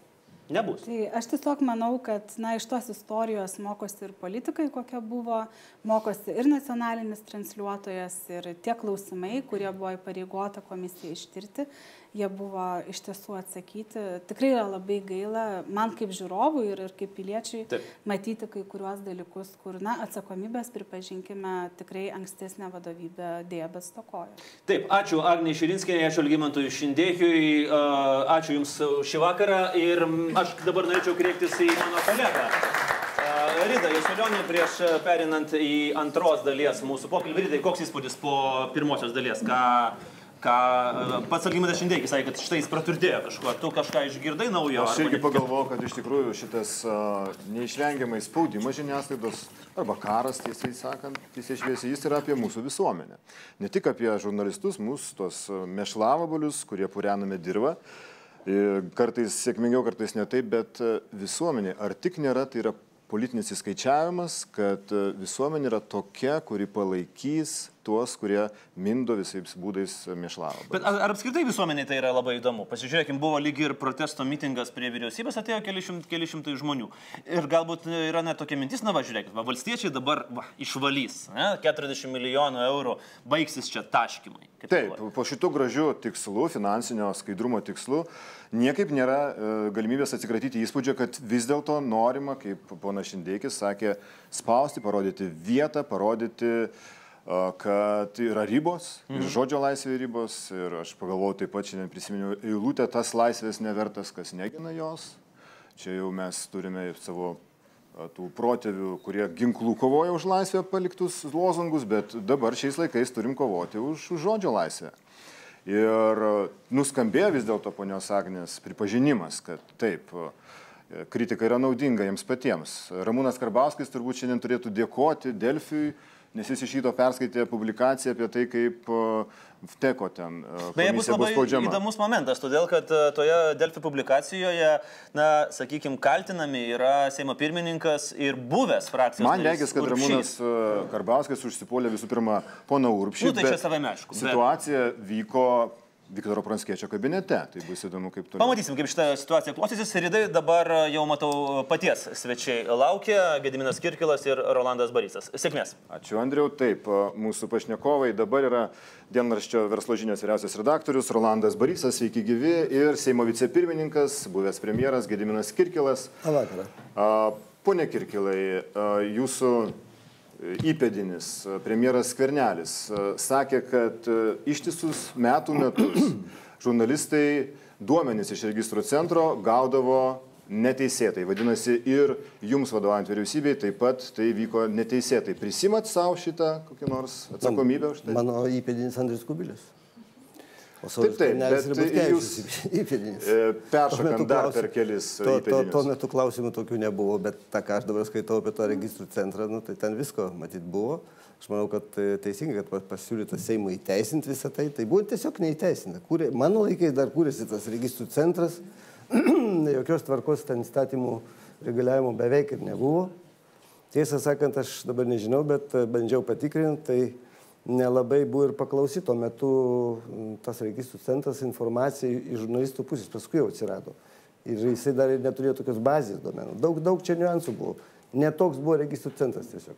Gerai, o įrašas, posėdžio, pasidarimo tiksliau įrašas, kurį premjeras sako, kuris buvo ištrintas automatiškai. Jums yra tekę, kaip jūsų kolegai, e, taip pat ministrui Juozui Olekui, klausytis tokių pasitarimų įrašų, kaip jūs Ne, sakėte? niekada nesiklausiau. E, Nei klausiausi, nei domėjusi, kas kokius įrašus daro. E, yra kelių tipų vyriausybės posėdžiai. Vienas yra, aišku, neformalus. E, paprastai būdavo pirmadienį su ministrais, e, kada neformaliai aptardom darbo tvarkį ir kitus dalykus. Ten buvo, aišku, laisvesnė kalba ir, aišku, yra formalus posėdis. Taip, bet dabar pasitarimas, a, pasitarimo įrašas, kaip sako, buvo automatiškai sunaikintas. Jūs primat tokį, tokią versiją įvykių? Visko gali būti. Aš nežinau, koks čia posėdis buvo. Turbūt, kaip suprantu, buvo vis tik tai neformalus posėdis. Buvo pasitarimas, buvo vyriausybės Tai, tai pasitarimas. reiškia neformalus posėdis. E, Galėjo būti sunaikintas, aišku. Pone Barysai, kaip Jums regisi šitas aspektas, kai, kai vyriausybė, dabar opozicija regis renka parašus, toliau mėgins premjero atsakomybę kažkaip tai pasiekti jos, tikresnių atsakymų į tai, ar jis davė nurodymą sunaikinti tą įrašą, kodėl jis buvo sunaikintas, kaip Jums regisi, ar tai yra kažkoks epizodas, ar vis dėlto bendros tendencijos dalis? Pirmiausia, turiu pasakyti, kad aš kažkaip buvau tikėjausi šitoje kėdėje matyti premjerą Skvernelį ir ruošiausi pokalbį su juo. Mes kvietėm premjerą, bet nepavyko. Tai aš žinau, tai e, kadangi aš stebėjau jo kalbą Seime ir premjeras vis bando pabrėžti, kad jisai yra teisininkas, nors mano gilis tikimus yra jau nebe teisininkas, jis yra politikas.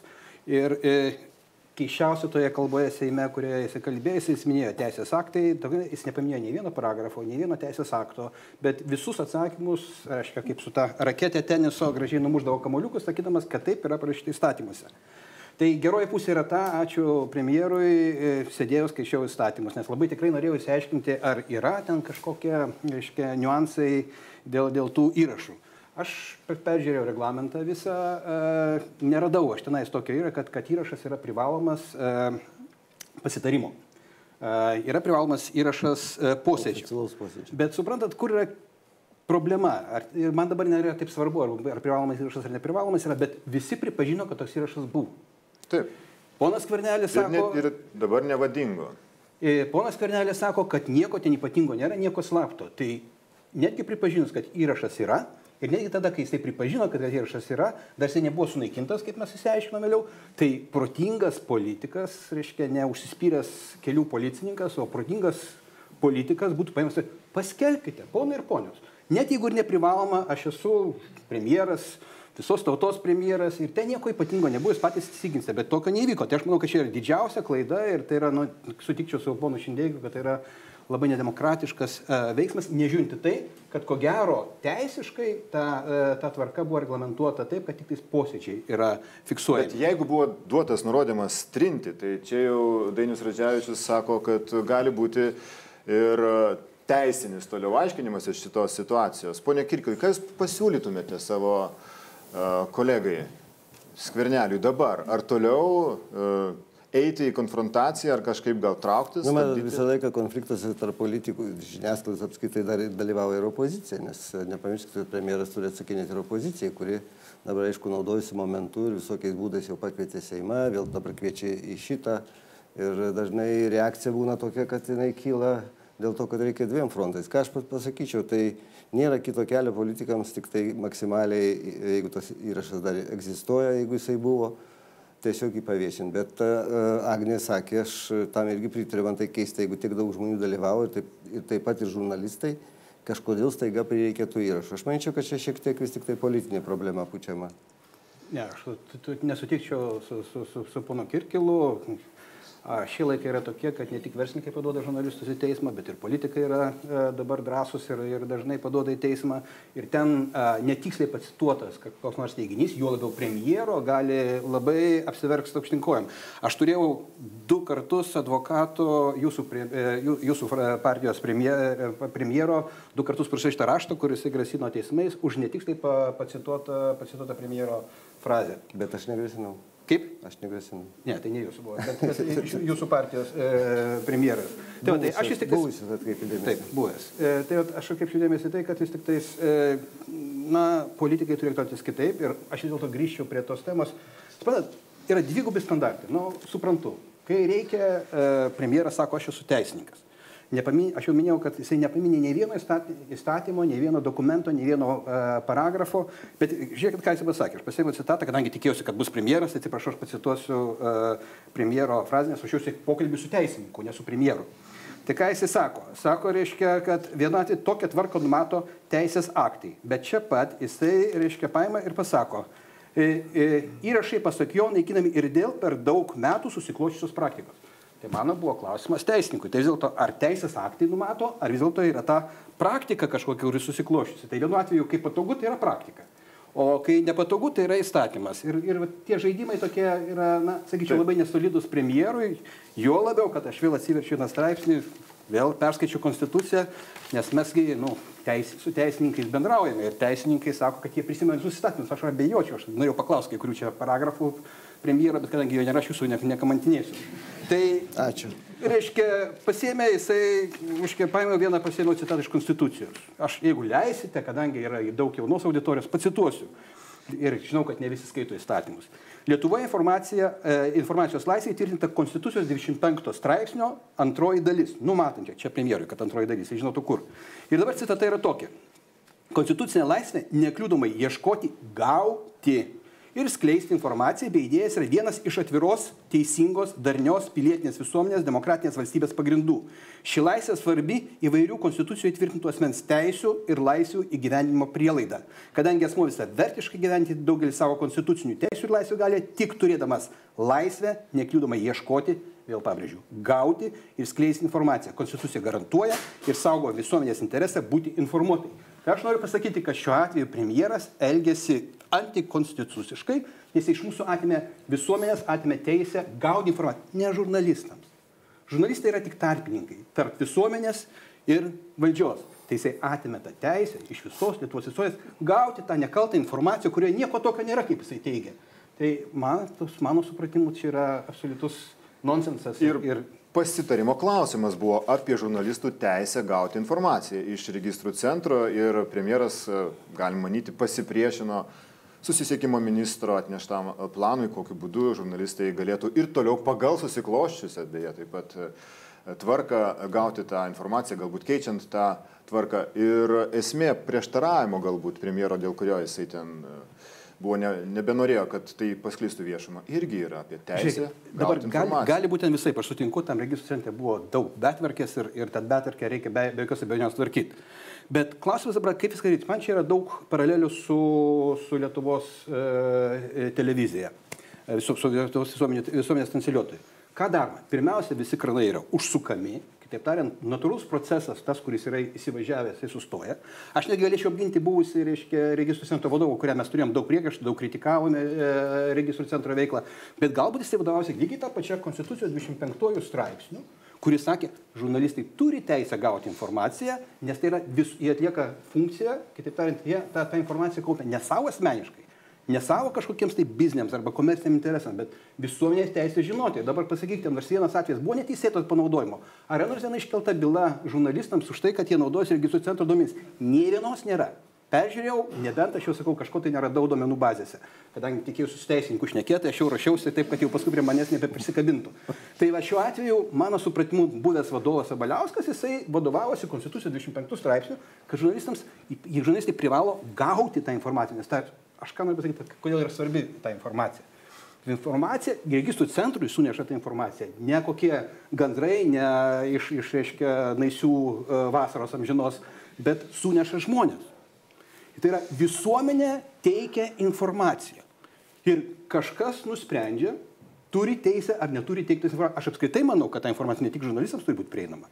Ta informacija turi būti prieinama uh, visuomenė, ūkio subjektams. Kiek pas mus tokių nesąmonių vyksta, todėl kad mes neprieinam prie tos informacijos. Pone Kirkilai, jūs vis sakote, kad jūsų santykiai su žiniasklaida kitokie, jūs niekad neinicijuodavot panašių procesų. Kodėl dabar jūsų partneriai koalicijoje valdančioje šitaip yra na, pasitinkami, šitaip vertinami, su nepasitikėjimu jais žiūrima, kad Ar visa tai, ką jie daro, galbūt yra žingsnis prie žodžio Tai laisvės. aš manau, kad apskritai, nu, žiniasklaida irgi iš dalies ir gal net ir visas tas, čia sakysim, sostinės elitas, jų įsiveržimą į politikos olimpą ir, ir, ir vyriausybės suformavimą, tą rinkimų pergalę irgi pasitiko su dideliu nepasitikėjimu. Ir manau, kad konfliktas nuo ten jau tęsiasi. Bet tai čia kits klausimas. Aš tik tai pasakysiu taip, kad uh, Seime yra toksai anegdotas. Uh, reiškia, vyksta socialdemokratų frakcijos posėdis ir šaukia keli nariai, sako, žinot, tas siauras dirba konservatoriumi. Tuo pačiu metu, nes paprastai tuo pačiu metu žyto vyksta frakcijų posėdžiai, vyksta konservatorių frakcijos posėdis, ir ten irgi dabar jau dar ir žinomi Seimo nariai šaukia. Tai ką jūs, nematot, kad siauras dirba socialdemokratams, o liberalų frakcijai, sako, tai matot, siauras dirba tik konservatoriam ir socialdemokratam. Toks yra požiūris politikų. Čia nieko nepadarysi, jie tai visą laiką galvoja. Jie nepastebi da, gerų dalykų. Kodėl e, aš galvoju apie tai, čia yra mano požiūris asmenis kaip politiko. kad e, yra visi dalykai ten kreipimaisi, pas redaktorius, dar kažkas. Man atrodo, kad žiniasklaida yra mano galimybė ką nors pasakyti. Ir aš tą darau. Ir aš bendrauju su visais, net su tais, kurie mane taip jau negalėstingai kritikavo. Ir net galbūt įžeidžiančiai.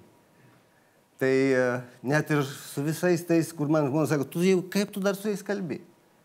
Todėl, kad aš laikau save profesionalu. Aš, mano santykiai su žiniasklaida turi būti profesionalus. Tai e, nereikia nei jų mokyti, nei jų auklėti. Aišku, ten visko yra yra ir privati, yra įvairūs interesai, mesgi matom juos, nieks čia neaklas, visko čia būna. Ir įskaitant tą patį grįžtant prie tos pačios Bet informacijos. Informacija taip pat prekė. Valstiečiai imasi šitos Juk dėl ko- politikos, jūsų požiūrių, politikos e, kovoti su žiniasklaida. Jūs paminėjote, kad galbūt jų rinkėjai kitaip vertina tai nei... nei Aš nepasakyčiau, kad jie kovoja, jie gana vangiai dar reaguoja į tai. Jie at- atsiduria labai aštriam laukia ir gali juos suprasti. E, Dauguma, tiesą sakant, ilgą laiką buvo ir de facto mažuma, yra labai trapi. E, Frakcija įvairiais būdais įvairius silpnesnius narius greitai paveikia žiniasklaida, įvairi kritika ir panašiai. Net nėra taip paprasta tam procese politiniam susigaudyti. Aš e, manau, kad šitoj vietoj e, mes panašiai reaguojam į tas naujas politinės jėgas, kurios čia yra tokia tendencija, jau daug kur Europoje. Panašiai ir Lietuvoje taip yra. Jos iš karto nėra priimamos. Joms įteisinti reikia laiko, jo- jos bando įsitvirtinti. Iš esmės, praeis kiek laiko, elgs, daugelis iš jų elgsis panašiai kaip profesionalus politikai. Mes dabar pasižiūrėkime, ekrane turim a, susirašę tam tikrą surinkę tokią statistiką apie bandymus pareguliuoti žiniasklaidą čia per keletą pastarųjų metų. O jums, ponė Kirklai, klausimas, jūs esate kultūros komiteto narys. Taip. Ir vakar, regis, jūs balsavote kartu su kitais valdančiųjų atstovais tame komitete už a, tas rekomendacijas po LRT tyrimo. Tyrimas buvo dėl, dėl a, tų finansinių reikalų, bet rekomendacijose yra ir, ir siūlymai keisti valdymą, valdyseną. Tarp kitų tų pasiūlymų aš kai kurios matau ir poziciją. Aš manau, kad reikia baigti tą tyrimą, kuo greičiau priimti išvadas ir, ir, ir, ir, ir sprendimus, rekomendacijas, kurias turėtų, kurias turėtų atlikti. e, Manau, kad e, valdymo vieną bent jau racionalų valdymo pasiūlymą aš matau ten, reikia tikrai sumažinti politikų skaičių LRT taryboje. Dabar yra du trečdaliai politikų.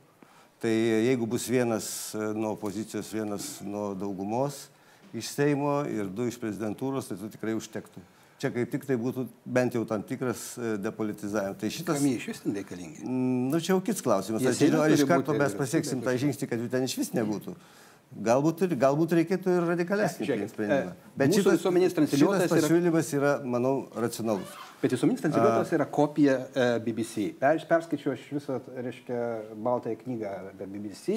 Ten vyksta lygiai tokios pačios diskusijos ir jinai tai kopija. Netgi 12 tarybos narių yra kopija BBC tarybos narių. Taip. Kur yra bėda iš Tas įstatymas taip ir buvo ruoštas. pagal Kur yra bėda iš tikrųjų? Tai tenais, jeigu ten pasižiūrėtumėm BBC, jeigu būtumėm kopijavę taip ryštingai, kaip tikra demokratiška valstybė, tai, būtumėm, tai būtų pasakė, kad ten politikų nėra. Ten yra visuomenės atstovai, ten, sakykime, mažumų atstovai yra visokie kiti. Ir ten du trešdaliai narių yra absoliučiai skiriami, reiškia, visuomenės atstovų, išdiskutavo su pačia visuomenė. Ten politikų iš vis nėra. Bet kur aš matau didelę problemą, e, tai problema yra iš tiesų su, su valdymu. Ir ten lygiai tas pats BBC kažkada buvo tik taryba. Ir matyt, mūsų mūsiškiai pražiopsojo, kad jau tie seniai valdyba, prie, prie tarybos atsirado valdyba. Tai yra du skirtingi orai. Vienas atsako už pačią kryptį, už patį, patį turinį, o valdyba atsako už operatyvinę tą veiklą. Kitaip tariant, padeda e, vadovui. Bet e, kas suformuoja valdybą? Dabar siūlymuose norėčiau apie BBC iškart įsiterpti. Beje, tose pačiose išvadose yra rašoma, kad uh, regis šiais metais jie nutarė vėl grįžti tik tai prie modelio su taryba. Jie naikina valdybą. Gali būti. Tai tokiu atveju, tada, tokiu atveju generalinio direktoriaus pozicija turėtų būti žmogus turintis vadybos patirties. Nes 400 milijonų yra ne jokas. Čia tikrai gali galva apsisukti ir, ir, ir protas pasimaišyti, sutik pinigų.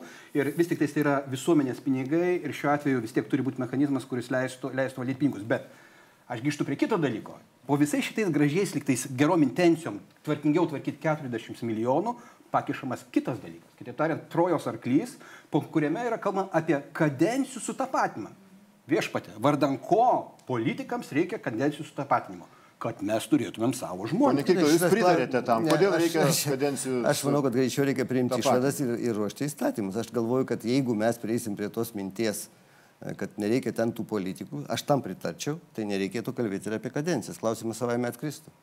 Tai kodėl jūs balsavote už e, tas Todėl, rekomendacijas? kad nesibaigs niekada, jūs norite, kad e, nesibaigtų tokie tyrimai. Aš apskritai labai skeptiškas komisijų atžvilgių. Bet tegu jisai baigėsi, tegu e, e, darbo grupės kūrė įs- įstatymų pataisas ir, ir diskutuojant kartu beje ir plačiai, o ne vien tik tai politikam. Ir iš to galbūt bus ir nauda. Juk visi sprendimai, kaip jie įvyksta, jie vyksta konflikto būdu. Konfliktas čia dabar šiuo atveju su žurnalistais, konfliktas kažkoks, bet galų gale galbūt ir racionalus sprendimas depolitizuoti tarybą. Tai bus labai didelis Bet tas patai keista vis tiek. Tai yra koalicijos partneris ir dar komitete kultūros, kur gali ten pasišnekėti prie kavutės ir su pačiu Pasišnekam pirmininku. ir prie kavutės, Taip dabar lik šalia šonė, lik šalia, e, šalia visų šitų įvykių esate, ten kažkas tai kažką daro, jūs ten kažką. Nu, tai turite tuos svertus ir kalbėkite, jūs turite ir politinės patirties, o ne, ne, ne reiškia palikti tiems nepatyrusiems politikams žmonėms daryti tas klaidas. Nu, Aš dabar- matau, kaip vyksta procesas, manau, kad galima iš to e, ir priimti gerus sprendimus. Taip, mes matėm, matom visą e, sąrašą tų e, galimų sprendimų, siūlytų sprendimų raudonai. Mes pažymėjom tuos, kurie, kurie buvo jau pasiūlyti ir jų nebeliko, jie atsiimti. Prisimenam, buvo noras teigiamų naujienų 50 procentų skaičiuoti skleidžiamų, drausti istoriją e, prekes, apsaugoti politikus nuo kritikos. e, Taip pat dar vis e, svarstomas, pavyzdžiui, yra e, valstybės apsaugos departamento siūlymas saugoti vadovų autoritetą. Taip pat ribojamas duomenų skelbimo apie kandidatus VRK duomenų bazėje. Žodžiu, kad po tam tikro laiko kandidatai galėtų pradingti iš tų, iš tų bazių. Na, mes matome nemažai, nemažai tų iniciatyvų, pačių įvairiausių, uh, mėlynai pažymėtos iniciatyvos, kurios yra jau įteisintos, uh, kaip žiniasklaida turi rašyti apie savižudybės ir registrų centro duomenys yra užverti. Bet Ar yra tai- pateiktas įstatymas dėl registrų centro duomenų atvėrimo. Jis jau vakar pat- Ne visų duomenų, toli gražu ne visų duomenų mes. Įstatymas e, svarstamas, galima sitarpti, o kodėl nedalyvaujat e, kaip e, rinkėjai, tarkim, šiuo atveju, kodėl nedalyvaujat komitetų posėdžiuose? Kviečiat svarstomi? pagalbos? Aš manau, kad reikia, tai jeigu jūs aktyviai reiškite šito klausimu, tai ir diskutuokite dėl to, dėl, jisai dabar svarstamas, jis dabar nukreiptas komitetam, po pateikimo pritarta ir svarstyti. Pone Barisai, eisit į pagalbą? Niekad manęs nekvietė tos Ne, posėdžius. niekas ir mano nuomonė jis turi, neįdomi. jis turi teisę kaip visuomenės žmogus ateiti. Yra klausimai. Į, į komiteto klausimus visi gali ateiti. Nu, aš sakyčiau, asociacijos turėtų daugiau galbūt atkreipdėmėsi, tai visų pirma, bet Taip. aš tai neįsigašiau to sąrašo, nes e, tai yra nu, amžina kova politikų na, savo šiek tiek išsikovoti daugiau teritorijos. Klausimas yra kultūros. E, ko- ko- Kokia yra kultūra? Na, aš esu buvęs e, Lietuvos telegramo agentūros direktorius. Ir būdavo vis dėlto ta kultūra vyriausybė yra tokia. Paskiriamas naujas vadovas. Na, sakykime, Monika yra paskirta nauja visuomenė transliuotoja direktorė. Tai pirmas klausimas, vyriausybė duoda laiko paruošti savo kažkokią tai viziją, ką aš noriu pakeisti, ką padaryti. Ten ir vyksta vyriausybės posėdėje, tada vykdo vyriausybės posėdėje, aš pristatau savo viziją. Ką aš noriu pertvarkyti, ką sutvarkyti, kur matau bėdas. Ten visi diskutuoja, kas blogai, ką mes pastebėjome. Tai nereikia jokių komisijų. Rezultate gaunasi puikus produktas. Kaip pavyzdys galiu pasakyti, Eltoje atėjau į, bankrutuojančią įmonę, išėjau po devinių mėnesių su pliusu ir, ir, ir pelningai veikiančią valstybinę įmonę. Vardan ko? Komisijos, komisijos matot, ką, ką komisijos leg, le, le, legitimizuoja. Legitimizuoja, jeigu reikia, išsitraukti rykštę. Ten yra katastrofa, ten reikia tiesiog giliotinos, nukirsti galvą ir kurti ant tų senų pamatų, sukurti naują pasaulį. Tai va čia yra didžioji bėda, kad mes neturime kultūros nei politinės, nei elgesio kultūros, nei bendravimo kultūros. Pasižiūrėkit, kaip premjeras vakar Seime kalbėjo, ne vakar, atsiprašau, kalbėjo su, su Seimo nariais. Man plaukai piesto atsistojo. Žmogus nesupranta, kad jisai yra jau ne, nestatutinės, nestatutinės organizacijos vadovas su didelė kepurė, kur gali pasakiau ir visi atsistoja, reiškia, rankas nuleidžia žinią, bet jisai bendrauja su visuomenė. Nu, jeigu tu atėjai į politiką, tu negali perkelti statutinės institucijos, reiškia, elgesio į santykius. Pažiūrėkit, Tuo metu tada išėmė iš kantrybės vienus, kitus, antrus, trečius pokalbis, koks buvo. Matot, aš tuo metu pirmininkau posėdžiui, reikia būti objektyviam. Ir aš girdėjau, ką kalbėjo opozicija, jo, kokios buvo replikos siunčiamos. Man pačiam kantrybės man ne vieną kartą teko būti toj pačioj tribūnai stovėti ir kaip premjerui, tai žinot, Bet, Nu, reikia bet jūs labai stipriai išvedė, jūs tokias frazes naudojate. Tai va štai Ne po- po- vienodi. išmintingo politiko elgesys. Suvaldyti. Taigi tokia yra, sakykime, tikslas. Tai tu puikiai suvokiai. Jis išeina Galbūt, prieš Seimą. e, Ne šiaip mane pakvietė maloniai pašnekėti, kokius nuostabus, kokius gražus.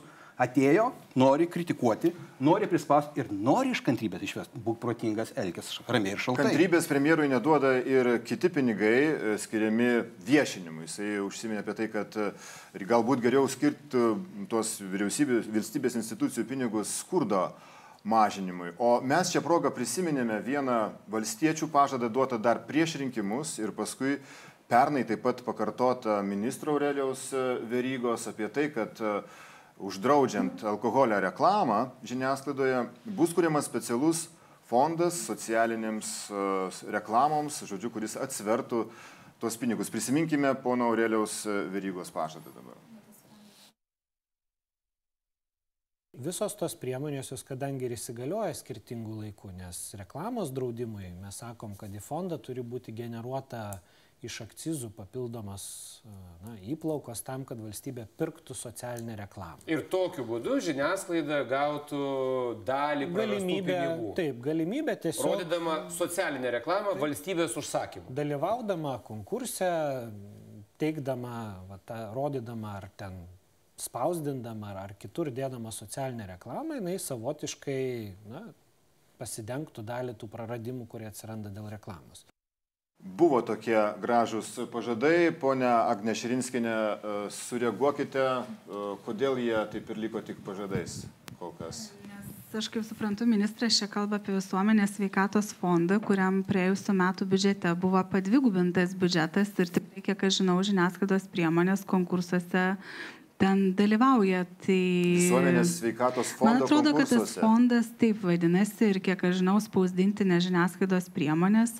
Tikrai mačiau reklaminės kampanijas kai kuriuose portaluose, kur įgyvendino. Tai manau, kad ministerija. Galbūt specializuotos patikslintų. tokios spausdintinės žiniasklaidos priemonės, Ne, kurios... ne, ir internetinės žiniasklaidos ne priemonės siūlas taip pat dalyvavo. Aš nenorėčiau tiesiog įvardinti, žinau, kurios dalyvavo, tai galite pasidomėti. Mes kitaip supratom šitą a, pažadą a, sukurti specialų fondą, kuris tas socialinės reklamas kažkaip užsakytų žiniasklaidai. Taip pat prisiminkime, ką premjeras kalbėjo apie a, šitą a, viešinimą per įvairias valstybės institucijas, a, valstybės įmonės. Na ir jūsų nuomonė apskritai, ar korektiška žiniasklaida ir jai skiriamus pinigus lyginti, ar ne, su skurstančiomis šeimomis? Na tai vėlgi požiūrio klausimas yra, tai yra biudžeto pinigai. Tai yra, visi šitos lėšos yra valstybės biudžeto pinigai ir e, priimdami mes biudžetą, kaip tik šiandien mes ir tą darysime, e, sprendžiame, kur labiausiai tuos pinigus reikia panaudoti, kurie turės didžiausią gražą. Tai yra vėlgi apsisprendimo reikalas. Reikalas, sako premjeras. Pone Barysai, kaip jums reikėsi? Ar yra mėginama, na ir šiek tiek mažinti žiniasklaidos galės per finansavimą? įvairius Man supratimas šis kažkoks nesusipratimas yra apie tos, reiškia, viešinimo pinigus. Viešinti nori vyriausybė, paprastai ne žurnalistai. Padorų žurnalistai nerašo rašinių, rašinėlių vyriausybei, kaip yra viskas ten gerai ir panašu. Kas yra svarbu, žiniasklaida visada praneš. Jie tiesiog nuturi irgi savo uh, misiją, nesėdė krūmose ir nelaukia, kol ką nors padarys. Bet dauguma viešinimo straipsnių, nežinau, žmonės mato ar nemato, rašomi viešų ryšių agentūros, kurias pasisamdo pačios ministerijos. Ir ten tokių nesąmonių prirašo, kad aš nežinau, kas ten skaito. Aš prisimenu, vieną kartą buvo konkursas, mums atėjusi viena, reiškia, patarėja, aiškino, kad jeigu tam konkursui jūs laimėsite, jūs turėsite rašyti vos ne, kad ežiukas, reiškia, miškeidamas, ne, nemėkite, nemėtykite politinio maišelio, nes ežiukas galės ir uždus. Nu tai jeigu kam įdomu ir skaityti, skaitų, jūs paklauskite, atlikite apklausą, kiek žmonių perskaito tas nesąmonės, kurias rašo viešųjų ryšių agentūros, minis- ministerijų, vyriausybės užsakymų. Nereikia tų viešinimo pinigų, aš jau per, per, per, per visas krizės sakiau, e, geriau konkuruokime turiniu, bet tų, tų viešinimo pinigų reikėjo pačioms ministerijoms. Josgi norėjo visada tą fasadą savo perdažyti pačiom gražiausiam spalvom, nes kažkodėl įsitikinę yra, kad žurnalistai svarbių dalykų nepastebi. Jie tik pastebi blogus dalykus. Visko būna, visokių žurnalistų yra. Bet, na, mano supratimu, dažydami tą fasadą e, visuomenės pinigais, vėl aš noriu pasakyti, visuomenės pinigais. Vyriausybė operuoja visuomenės pinigais, mokesčių mokėtojų pinigais. Jie dažosi tą fasadą, ko niekas neskaito. Tai vardan ko iš viso reikalingi tie viešini pinigai. Bet protingos vyriausybės vis tik tais siektų kaip nors su- sustiprinti ekonominius pagrindus žiniasklaidos. Nes labai dažnai aš dabar galvoju, čia ne, ne, ne, ne jūsų, Kubiliaus vyriausybė buvo, kuris sakė, žiniasklaida yra tokia pati kaip vinių fabrikas. Viskas. Tai lygiai tą patį dabar kartoja šita vyriausybė. Velniop tegu eina, ir premjeras sakė, tegu eina ir gyvena pagal rinkos ekonomikos dėsnius. Ar jūs išprotėjote? Kur jūs matėte, kad žiniasklaida, kuriam pasaulio kampelė žiniasklaida pagal, pagal, pagal, pagal tokius pačius principus kaip vinių fabrikas. Vinių fabriką uždarysi, visuomenė to net nepajus, nes jau seniai perėjo prie kitų technologijų. Internete viską stato. Tai e, uždarykite visą žiniasklaidą, turėsime fantastinę valstybę. Fantastinę. Kimirseno valstybė. Tada šlovinsime naisius, kalnelius naisiuose supiltus dirbtinius, e, kalbėsime apie išblaivėjusią visuomenę ir, ir iššoksime aplink aukurą visokius su tom vaidilutėm ir sakysim, kokia nuostabi šalis. Tai va tokią šalį mums nori pakišti politikai, kurie nesupranta, kad Lietuva nėra jų nusavybė. Lietuva yra visuomenės nusavybė ir Lietuva nori būti demokratiško ir laisvoji šalyje. Mes turim teisę užduoti jiems klausimus, nes jie su ta valdžia daro visokias nesąmonės. Pats jūs sakėte, kad nepatyrė atėjo, daro nesąmonės. Tai tam ir sukurtas instrumentas, ne Lietuvoje, o demokratinėse vakarų valstybėse, kuris, kuris kontroliuotų valdžios sprendimus. Ir tam, kad valdžia netrodytų kvaila, o pati gražiausia ir nuostabiausia, jiems ir reikia priboti tos informacijos sklaidą. Aš, jeigu, gerbiamas Rolandai, aš sakiau, kad atėjus uh, mažiau patyrusiems žmonėms ir, ir, ir kitai partijai, kuri galbūt ne visiems patinka ir taip toliau ir panašiai. Ir e, pati žiniasklaida galėtų būti šiek tiek bent korektiškesnė. Pone Kirkilai, bet aš noriu Algimantas Šindeikis šiandien sakė, kad e, spaudimas arba tiesiog kova prieš žodžio laisvę, prieš žiniasklaidą Lietuvoje taip pat yra ir tai, ko norėtų Kremlius, irgi kovodamas informacinius karus, kad žmonės mažiau atskirtų tiesą nuo išgalvotų, nuo fake newsų ir, ir propagandinių visokių naujienų. Ar jūs e, nematote, kad iš tikrųjų jūsų partnerių visų pirma valdžioje, ta kova prieš žiniasklaidą, prieš laisvą žodį yra toj pačioj, tom pačiam vektoriu. Aš taip negalvoju. Čia viskas yra sutirštinta. Ir, ir Vengrija, ir Lenkija, ir dar su Rusija palyginti. Nu, mes Šiaip mes apskritai labai daug hiperbolių per daug vartojam savo diskusijos. Bet čia kits klausimas, aš grįžtu prie viešinimo pinigų, jeigu galima. Taip. Viešinimo pinigai, tie, kurie ministerijos... Ar gera premjero nuostata mažinti? Visiškai yra neefektyvūs, jeigu kai kurie ministrai galbūt galvoja, kad tokiu būdu jie kaip nors tą žiniasklaidą pamalonins, tai iš to nieko niekada nebūna. Aš sakyčiau taip, kad bet koks, aš, pavyzdžiui, niekada jokių pinigų viešinimo nenaudoju. Tiesą sakant, net ir per rinkimus.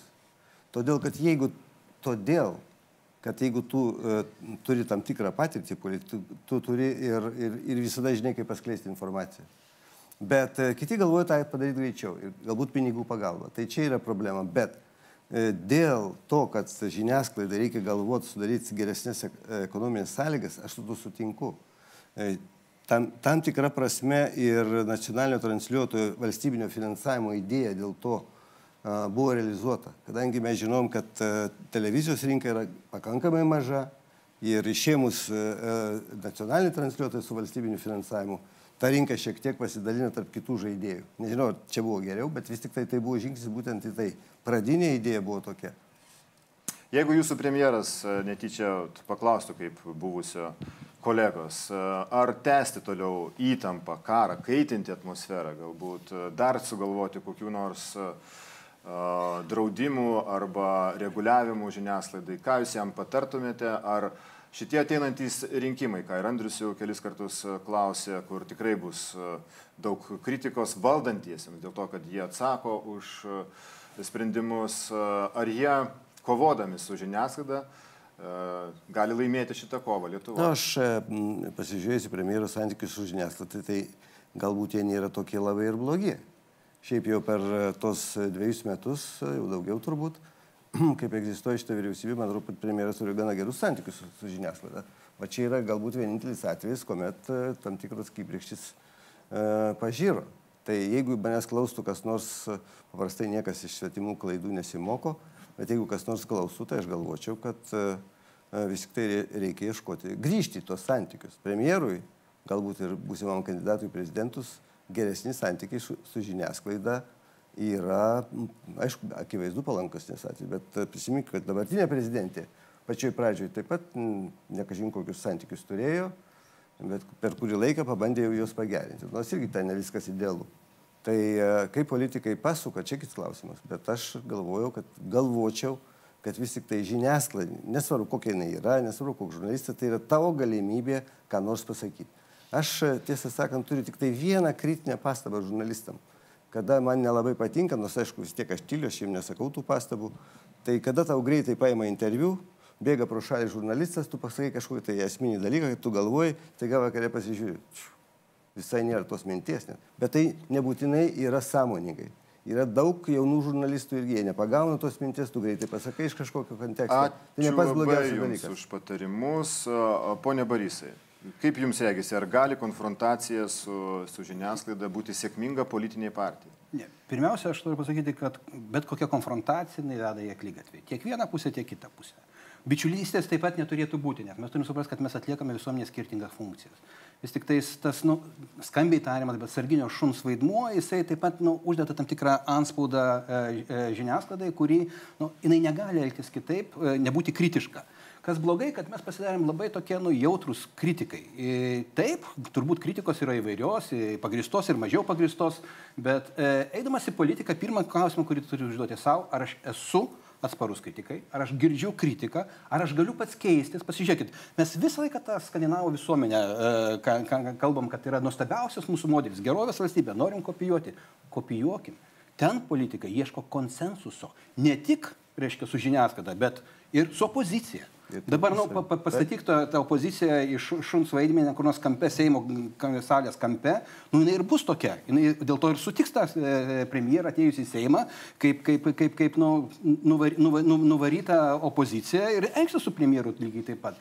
Tai mano supratimu, pirmiausia, reikia suprasti savo vaidmenis visuomenėje renkantis vieną ar kitą kelią, teisininko į politiką, ar, ar, ar nežinau, ar, ar žurnalisto į politiką, turi pasakyti savo, kad tu jau esi nebe tos profesijos atstovas, tu esi politikas. Ir ten žaidimo taisyklės absoliučiai yra kitos. O aštrimas konfrontacijos, nu mano supratimu vis tiek, laimėtojas šitoje vietoje būna tik vienas. Tai kur, kuris, spėskite patys, aš pergyvenau dabar kiek, 15 turbūt premjero ir turbūt bus 16 pergyvensiu, tikrai tikiu tuo, nebent infarktas pagaus. Bet, e, bet e, nugalėtojas būna vienas kad turi būti dialogas, kad e, žiniasklaida, čia aš vėlgi kreipiuosi į profesinės organizacijas, kad, kad mes ten turime ir tarpusavį aiškintis, kas yra kokybiška žiniasklaida, kur tos mūsų klaidos, kad mes jų nekartotum, kad nebūtų sąmoningas pjūdymas, aš tą sutinku, turi būti. E, ir, ir, ir, bet, bet šiuo atveju konfrontuodamas tu nesprendi absoliučiai jokios problemos. Tu tik ją užrašni iki skausmo ir tas skausmas dažniausiai būna toj pusėje, kur nu, premjerai keičiasi. Va. Rinkimo ciklas jau čia pat, prasideda net keletas tų rinkimų, mes matysim, kaip toliau klostysi situacija ir šiame fronte, ar ta konfrontacija su žiniasklaida bus toliau politikų naudojama kaip nors. Ir ačiū labai, malonus TV, Laisvės televizijos žiūrovai, mes čia Laisvės televizijos studijoje šiandien Vilnius susirinkėm. Dėkui, dėkui Rolandui Barysui, verslo žinių vyriausiam redaktoriui Gediminui Kirkilui. Seimo vicepirmininkui, ačiū visiems, kurie atėjo ačiū. į studiją, kas dalyvavo pirmoje laidos dalyje. Ačiū ir jums, malonus žiūrovai, ačiū, kad žiūrite, ačiū, kad remiate.